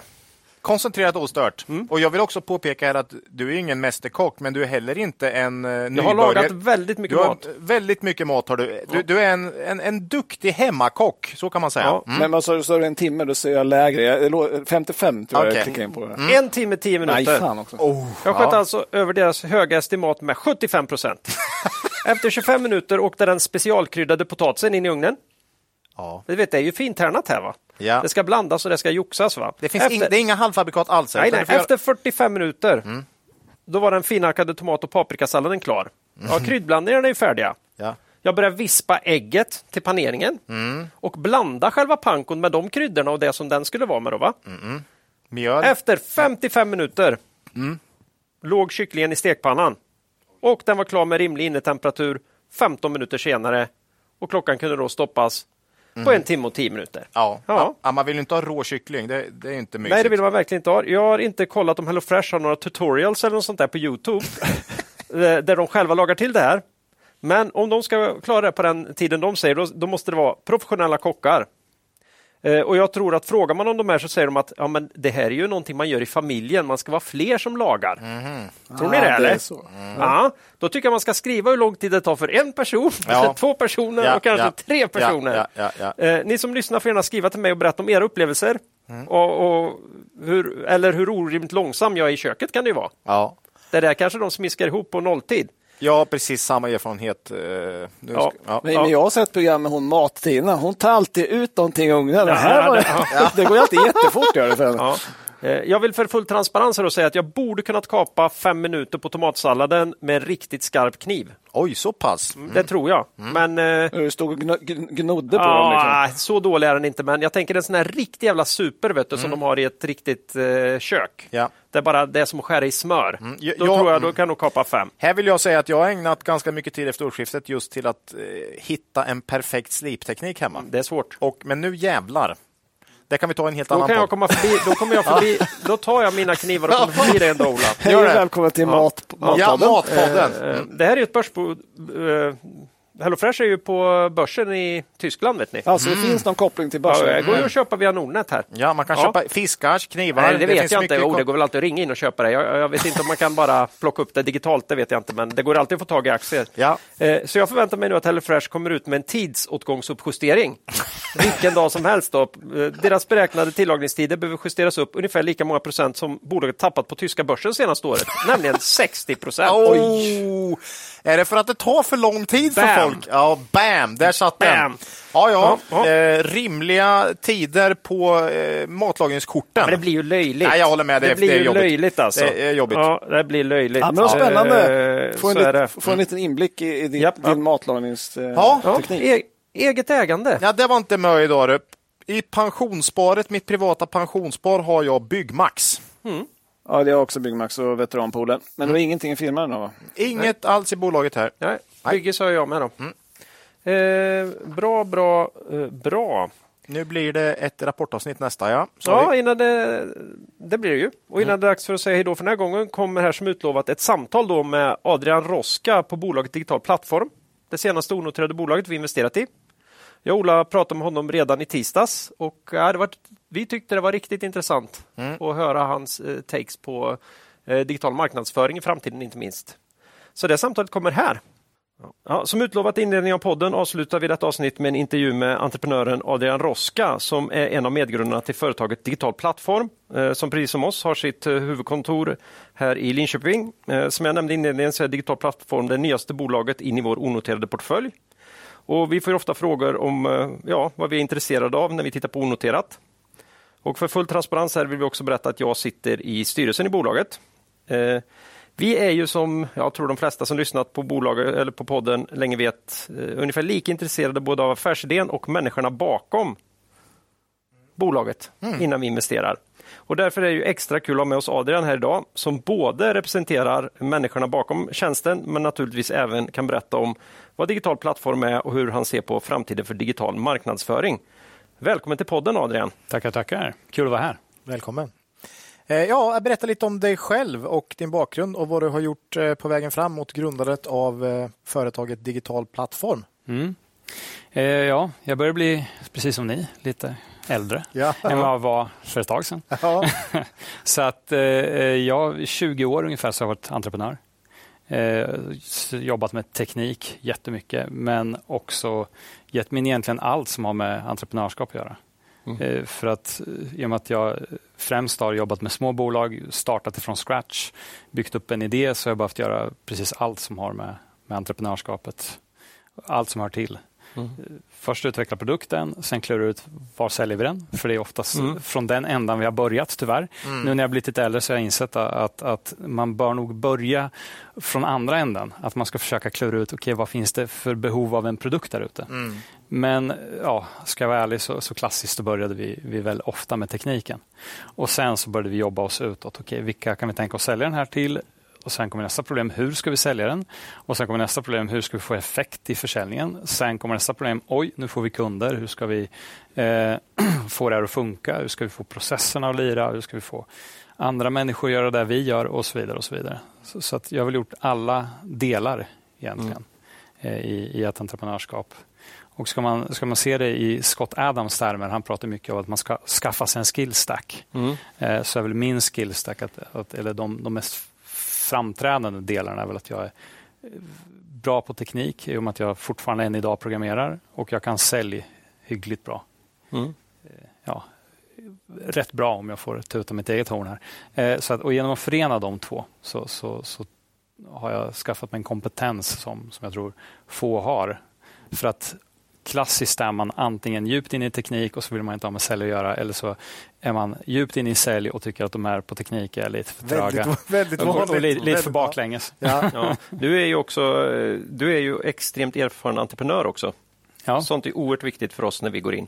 Och då behöver inte vi hitta de här eh, Ja, ja, vad man än tar i så blir det guld, utan du har ju verkligen kämpat på och hittat en oerhörd kreativitet, men alltid gått till marknad och alltid hittat en marknad. Och Det är ju entreprenörens ja, heliga graal. Sen är det lite så här, om man fortfarande håller på med det, man har jobbat med det i 20 år, om man har lyckats få till en hel del, då är det, finns det en drivkraft. Man måste tycka det är roligt. Annars håller man inte på med något, att starta en business i 20 år. Nej. Liksom. Så det, det tyder ju på att, man, att du verkligen gillar att driva och starta upp verksamheter.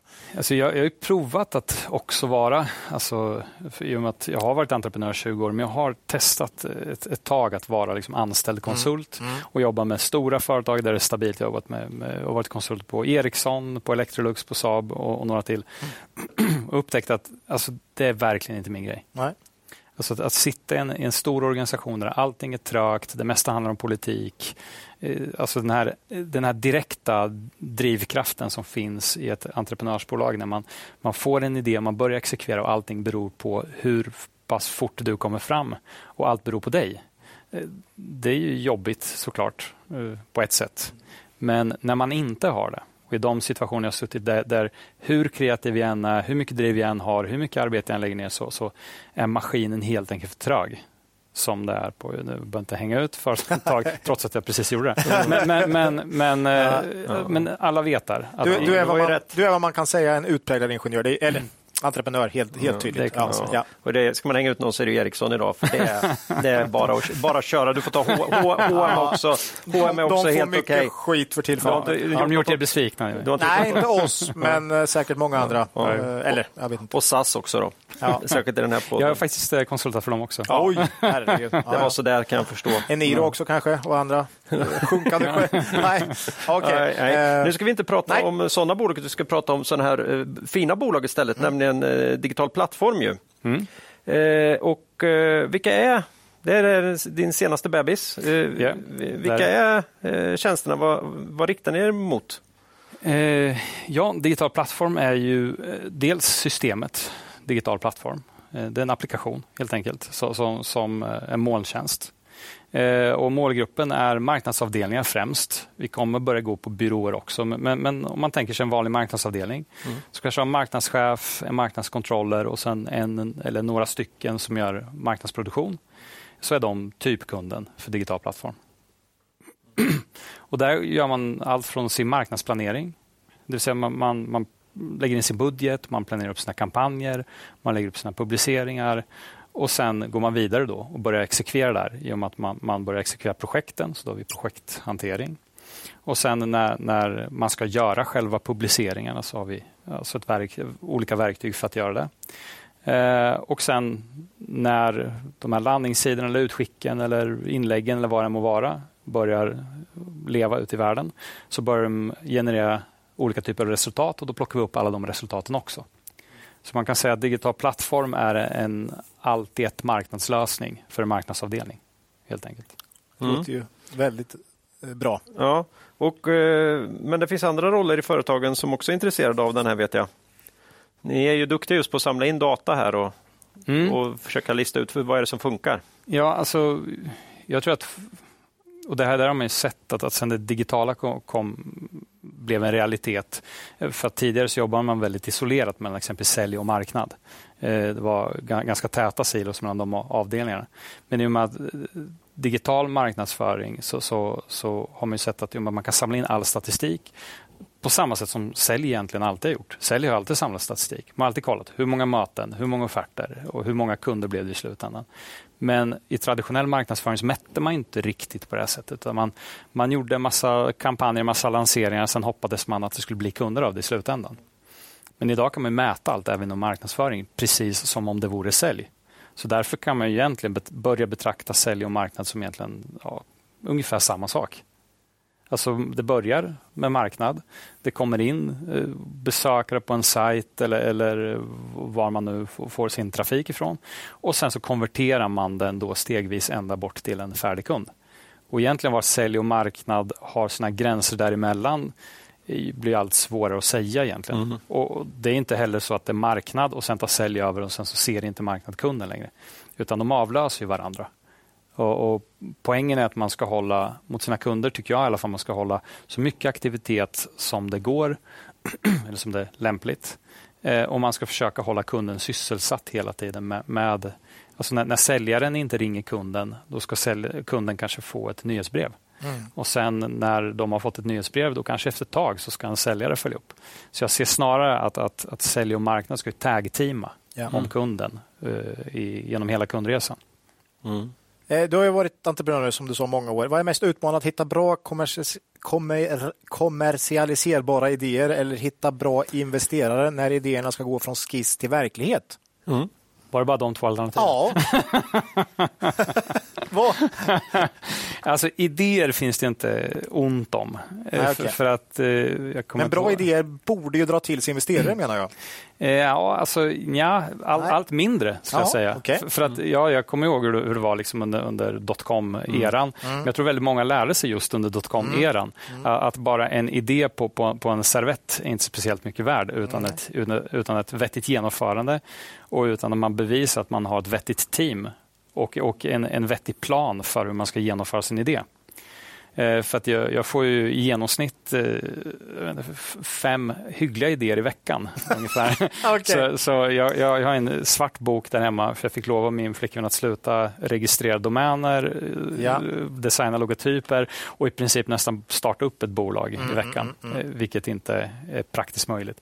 Så, så att eh, jag har ju fler idéer än vad jag kommer kunna realisera i fyra livstider. Hur, hur väljer du ut, alltså för du har ju ändå valt nu digital plattform, det är något jag verkligen Ja. tror på. V- Mm. Varför gick det från den svarta boken till nu kör vi? Liksom.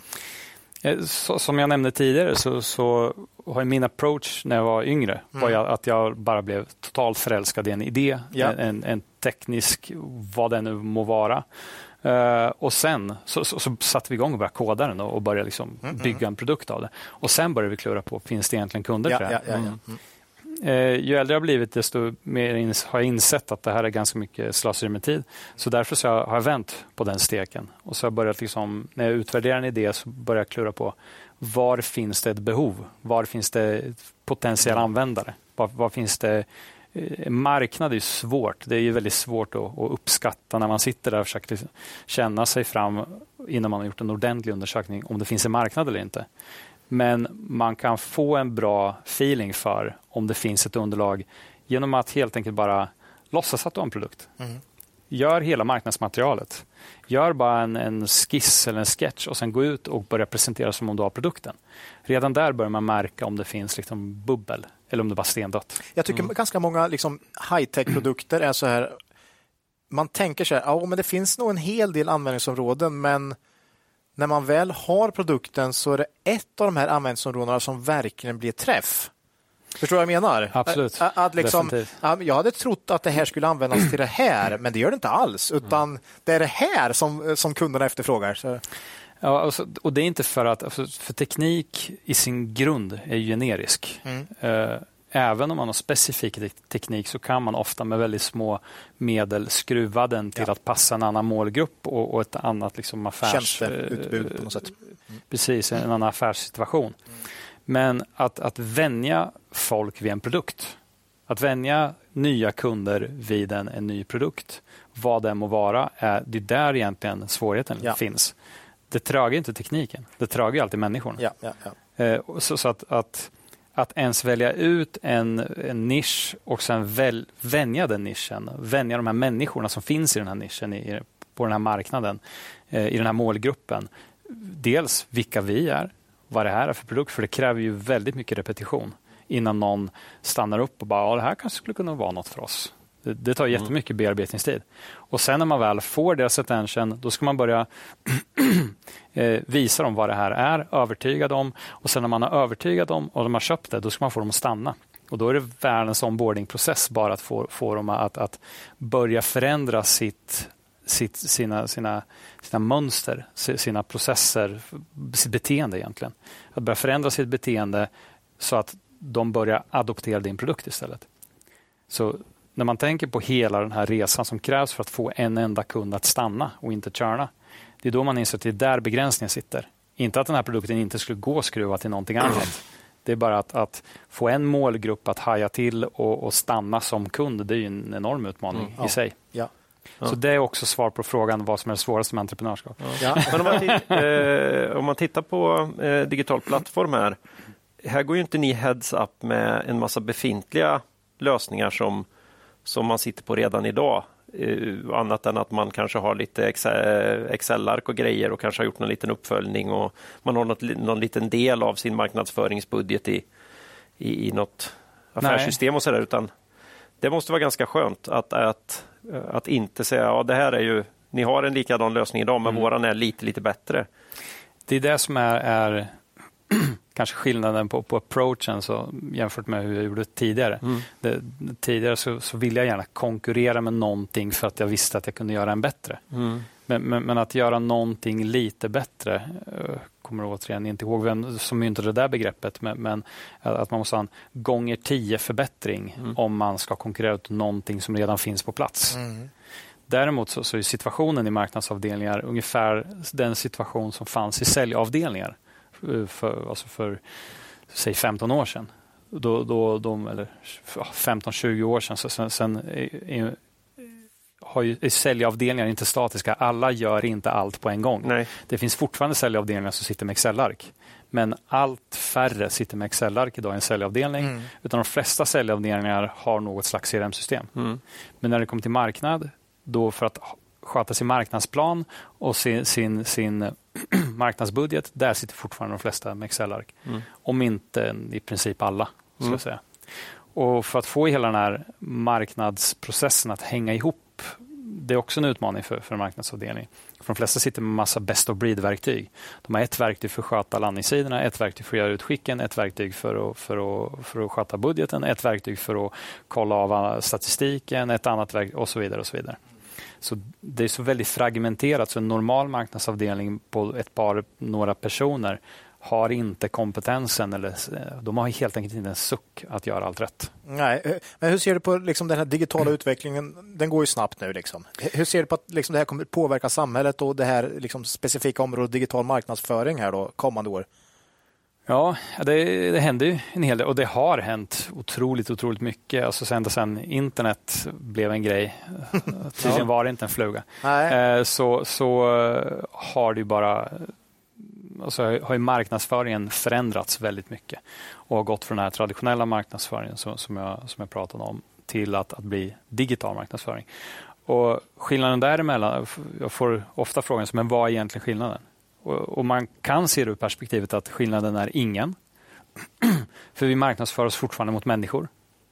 Eh, och, och, människor agerar som människor alltid har gjort. Människor har en psykologi, människor har ett visst beteende, människor har vissa mönster som de följer. Och egentligen så, så är marknadsföringen disciplinen som, som, som tappar in egentligen på, på de här beteendena och försöker egentligen på sätt och vis, ja, även om inte förutses, åtminstone uppmuntra konsumenterna till, till att agera på ett visst sätt. Mm. Så där har traditionell marknadsföring och modern marknadsföring, om vi kallar det för det, eller digital marknadsföring, har ju de gemensamheterna. Att vi människor har inte mentalt förändrats speciellt mycket de, de senaste 50-60 000 åren. Eller så. Eh, utan vi agerar i grunden ganska likt så som vi alltid har gjort. Mm. Men digital marknadsföring skulle jag säga har ju, har ju möjlighet att mäta saker och mäta, mm. alltså följa oss och våra beteenden. Kanske till och med på ett sätt som inte alltid är önskvärt, har vi ju sett. Mm. Eh, Facebook har haft några turer med det där. Och Det är en stor fördel. Ja. För att du, Hur mäter man sin marknadsföring? Den mm. är ju många som har problem med. Ser du någon skillnad där, tänker jag, B2B, B2C marknadsföring? Har de eh, någon del som har kommit längre eller är det... Nej, i slutändan så, så handlar det väldigt mycket om att, att förstå sin målgrupp rätt. Mm. Och där skulle jag säga fortfarande de flesta marknadsavdelningar. Och Oavsett om det är företag. företag eller om det är... Mm. Det, det, är, det, är samma, det är samma princip, för i slutändan är det människor ja, ja. som handlar. Mm, eh, om det inte, jag vet inte, ni sysslar kanske med automattransaktioner. Med i, ja, Men i slutändan är det alltid en människa som ska fatta ett beslut.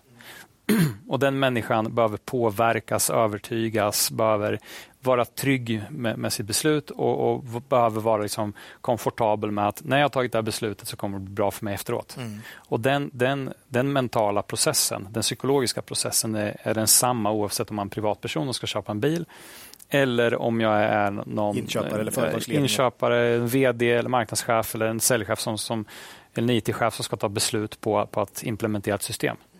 Eh, så vill jag vara trygg i att ja, det här kommer lösa problemet. Ja. Det här kommer inte sätta mig i klistret på något sätt och det här kommer inte kosta massa pengar och sen bli helt verkningslöst Nej. som i princip alla myndighetsprojekt. Ja. Nej, för det är en, en grej här som verkligen finns i digital plattform. Det är ju möjligheten att följa upp och, och även för mm. ledningen i företaget. Jag har ju varit runt i diverse företag i min karriär innan jag hamnade här och det var ju en sån riktig klassiker att marknadsavdelningen, jag upplevde att de kom undan med grejer. De höll på liksom med, ja men vi gjorde den här satsningen på Youtube, här, en veritabel mm. succé. Vi hade 500 unika Ja. som tittade på eh, de här eh, video i snitt liksom, så vet man ju liksom hur mycket tid som lades ner på det där, vilken budget det var på det där. Ja. Och ekvivalenten hade varit att någon hade kommit tillbaka och sagt ja, vi har gjort den här eh, produktutvecklingen här, vi har gjort en förändring och jag sålde sju stycken av den här faktiskt.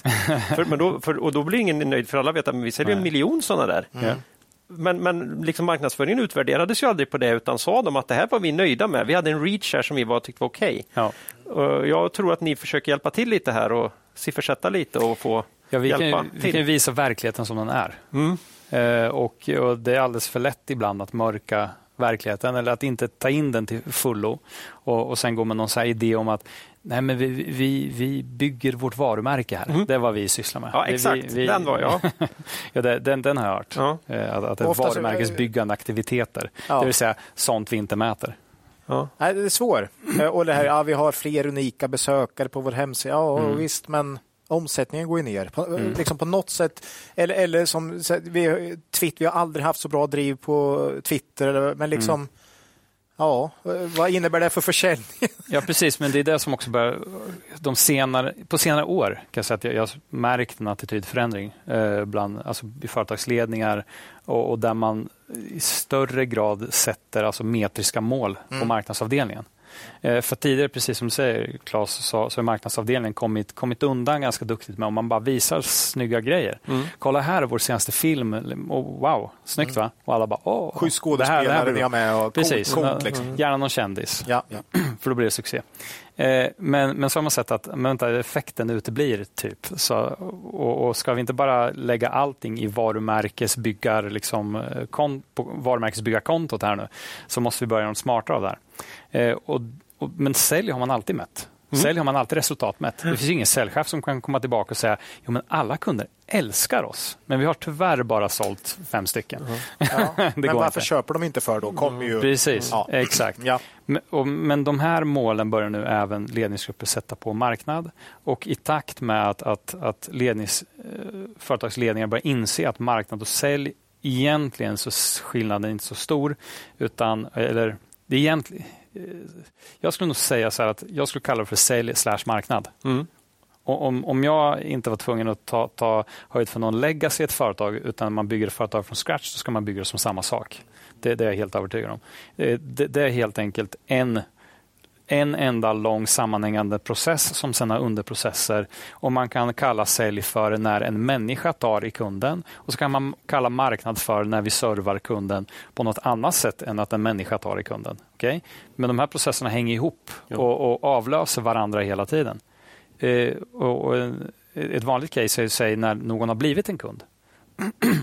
Vad är den här kunden föremål för då? Sälj eller marknadsföring? Då brukar man kalla det för after sales. Man säljer på dem fler grejer. Mm. Men jag skulle säga att marknadsföring pågår även efter man har sålt en kund. ja, visst. Eller hur? visst. Eh, Så att skilja på det eh, hjälper inte jättemycket. Utan man bör, när man gör sina processkartor över sälj och marknad så bör man betrakta dem som en sammanhängande enhet. Egentligen. En- ja. Ja. Ja. Eh, möjligheter inom digital marknadsföring naturligtvis, men också eh, utmaningar. Eh, du är ju sån här extrem early adopter, eller early adopter, men du älskar ju teknik vet jag. Och, den. Ja. och det händer ju massa grejer.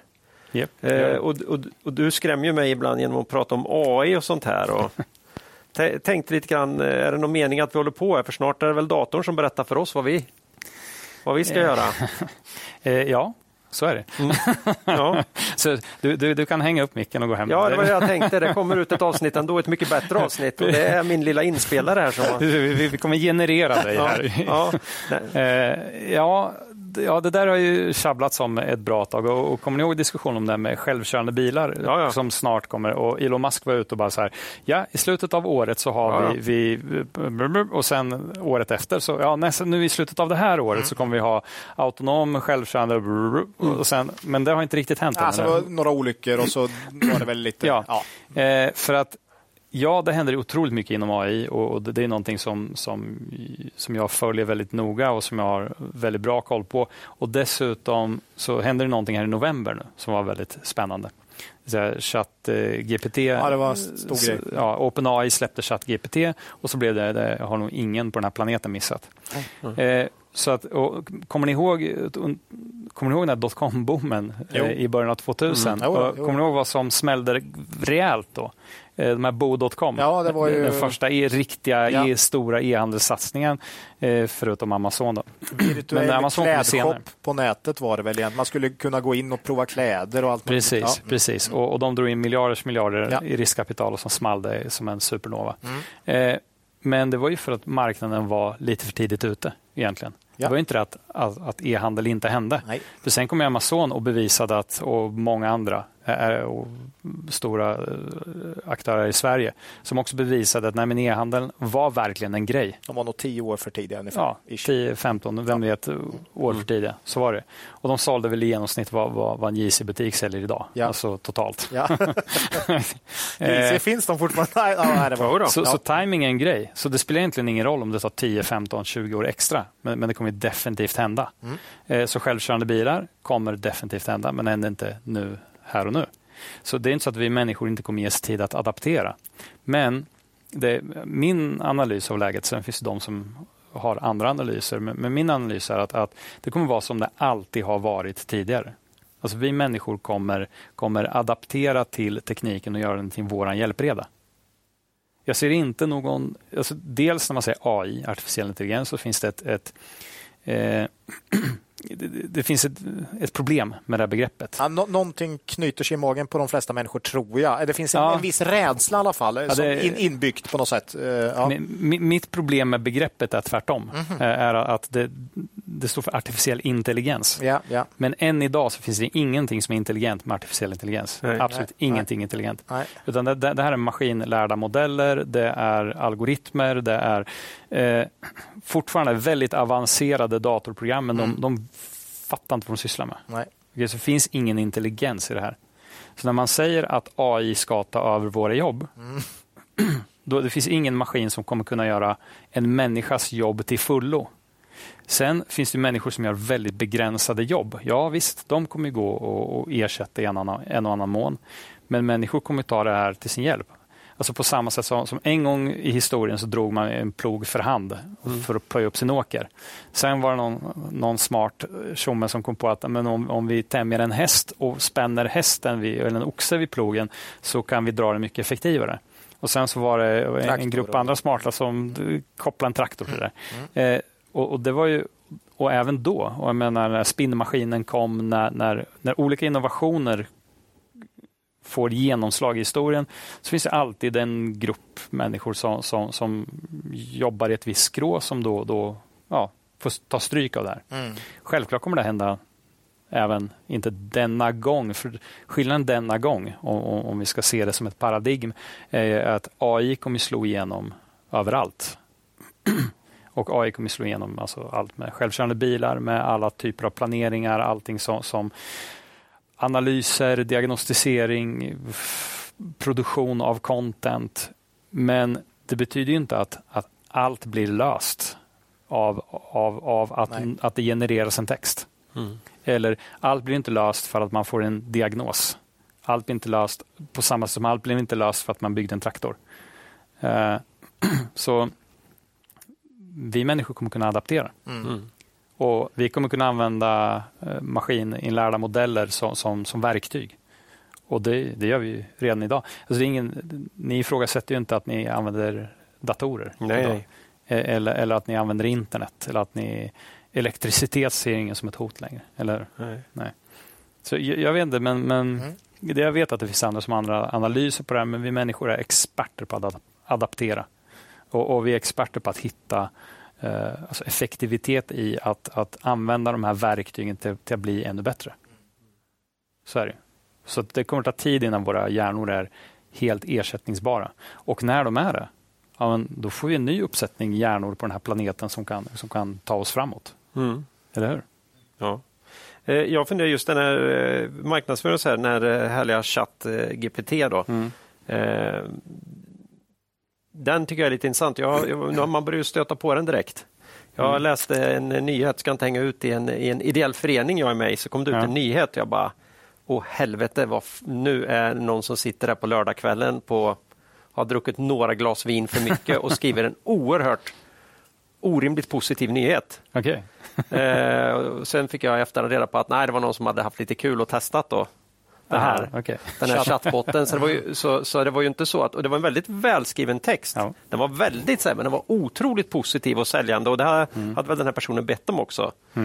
Men, men eh, så, så man märker ju liksom att ja, det, det finns lite Mm. Eh, Den är, men det kommer, den kommer ju lära sig anpassa sig till en viss skribents stil. Man visar den så här Absolut. brukar jag skriva och så skriver den så skriver den likadant och så där. Så att, Mm. eh, men, men hur kommer det påverka marknadsföringen?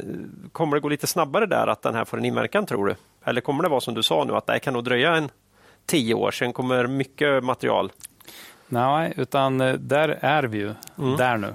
Ja, För, för mm. att eh, alltså AI-modeller för textgenerering och eh, alla möjliga AI-modeller för att generera content överlag, vare sig det är bild, vare sig det är ljud, vare sig det, är eh, film, det har ju funnits ett bra tag. Det är bara att de har varit så otroligt dåliga. Alltså jag satt ju med, med chattrobotar alltså redan i början av 2000. eh, Så har ju det funnits. Så, så att det är inte på något sätt en ny grej. Men nu är vi där. För, för att den, med den, den releasen, vilket man kan kalla för GPT 3.5 ungefär. För, för den bygger på GPT3 och sen har den lite mer strössel. Så man kan kalla den ungefär GPT 3.5 och snart kommer GPT 4 ut. Men redan nu då med GPT inom citat då, 3.5 så är den så pass bra så att den den outputen som den ger relativt inputen eh, ger en så pass bra avkastning så att nu kan alla börja använda den. Mm. Så att inom marknadsföringen så, så är det gjutet. Alltså all contentproduktion kommer bara skjuta i höjden. Vilket gör att Google kommer få enorma problem. För att de eh, kapitaliserar ju på att indexera upp content. Och sen så när, när jag kommer till Google för att få reda på då, då var hittar jag den här content jag stoppar in ett sökord och sen så får jag upp ett antal förslag på sidor där, där det finns innehåll som löser mitt problem. Men vad händer nu när vi har en, en chatt som ger dig lösningen utan att presentera liksom det underliggande innehållet? Hur bygger man ihop det här då med, med annonseringsmodeller? Så Google är direkt hotade. Alltså de, är, de, är ju, de har ju rejäla problem inom ett par år om de inte gör en, en rejäl satsning eller ett rejält move på det här fältet. Eh, Så det är en stor förändring vi kommer se här. Dels inom produktionen, att- all, all fler marknadsförare, och redan idag så, så många marknadsförare använder det för men ge, mig, ge mig tio inläggsrubriker om eh, hur man bygger hus och varför det är bra. Jag Kan en hustillverkare bara, så. Och så vill jag ha tio eh, inläggstexter till de här. Och sen så vill jag att det, och så, så går ju, det går ju att diskutera med den på det här sättet. Att, att jag så att säga, bygger upp premisserna för vad jag vill ha eh, i kommentar efter kommentar och så ger, det, ger den mig en mer och mer komplett liksom, output utifrån vad, vad, vad min input är. Eh, så produktion kommer skjuta i höjden här. En människa kommer kunna producera allt vad marknadsprodu- marknadsavdelningen producerar idag. Allt vad det gäller och sen bildgenerering har blivit riktigt, riktigt bra. Nu såg jag igår, så satt jag och lyssnade på, på ett par stycken så, som på samma sätt då, utifrån att man skriver en text så genererar den en eh, viss musikstycke. Häftigt Så, alltså. så det gör att när man, när man kopplar ihop alla de här produktions liksom, outputen, man, text, bild, musik och sen video är lite mer avancerat men, men, men Google har, har ja, eh, lite längre fram där. Eh, när den blir riktigt bra, ja, men då, då kommer ni man kommer inte sitta, stå med kameror och eh, spela in alltså som, som, som vi gör, utan vi skulle kunna ha den här, för jag är ganska säker på att den här podden skulle, kommer vi om fem, sju år kanske kunna bara ha en transkription på. Mm. Och sen säger jag bara, jag vill ha den här tonen här. Så, så vi behöver inte sitta här och, och säga det, utan eh, vi kan ha en, en modell som läser av min röst, alltså lyssnar av en massa inspelningar på min röst, en massa avspelningar på, på Klas röst, en massa avspelningar på Olas röst och sen så kan vi sitta och ha den här konversationen utan att vi Ja, behöver ha konversationen Mm. live. Sen kanske vi ändå väljer att göra det Ja, för att vi är old school. Men det blir lite som att LP är en skön, eh, skön sätt att konsumera sin musik på. Nej, men, eh, det jag ser som en upp, eh, något riktigt bra där är ju att vi bara kan sitta och prata och ha ett helt vanligt samtal som spelas in och sen fixar den här AIn ljudet. Så det blir helt jävla perfekt bara. Så är det. Vet du att min, Jag kommer bli arbetslös. min son sa igår att ja, vi gillar mest hiphop i min klass. Okej, men jag är lite mer old school, sa min son. Och då menar han Eminem, Ja. som absolut inte var old school för mig då. Nej. För det var ju mer de här Public Enemy och de här Precis. liksom Ja. 80-tals... Nej, old school nu är Eminem då. Bara så ni vet. Då. Mm.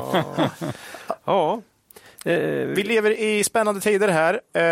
Eh, om nu då någon av våra lyssnare eh, vill komma i kontakt med er på digital plattform efter det här, eh, så hur bär man sig åt då? Digitalplattform.se. Går Enkelt. utmärkt. det, var, det var ju tur att ni fick det. Ja, eller hade ni kanske tagit ett annat? Ja, nej. Ja. Ja. Nej, digitalplattform.se alltså. Ja, eh, tack eh, Adrian för att du tog dig hit idag och Tackar, tackar. Kul att vara prata här. lite om din resa och digital plattform och framtidens digitala marknadsföring. Alltid lika kul. Toppen! Ja, tack säger vi till Adrian. Eh, och med det här har det verkligen blivit dags att knyta ihop eh, säcken för den här gången. Eh, vi vill innan vi slutar påminna er om den fina möjligheten som finns att månadsspara i Cavaliers fonder. Vilket ni enkelt gör via bland annat Nordnet och Avanza. Då är ni ert pensionsspar om ni har det där. Kom ihåg att historisk avkastning i fonder inte behöver vara en indikator på framtida avkastning och att ni kan förlora delar av ert satsade kapital då fonder kan gå både upp och ner i värde. Vi säger hej då eh, och eh, ber våra lyssnare komma ihåg att Det är först när tidvattnet drar sig tillbaka som du får se vem som badat naken. Lose money for the firm and I will be understanding. Lose a shred of reputation for the firm and I will be ruthless. I welcome your questions.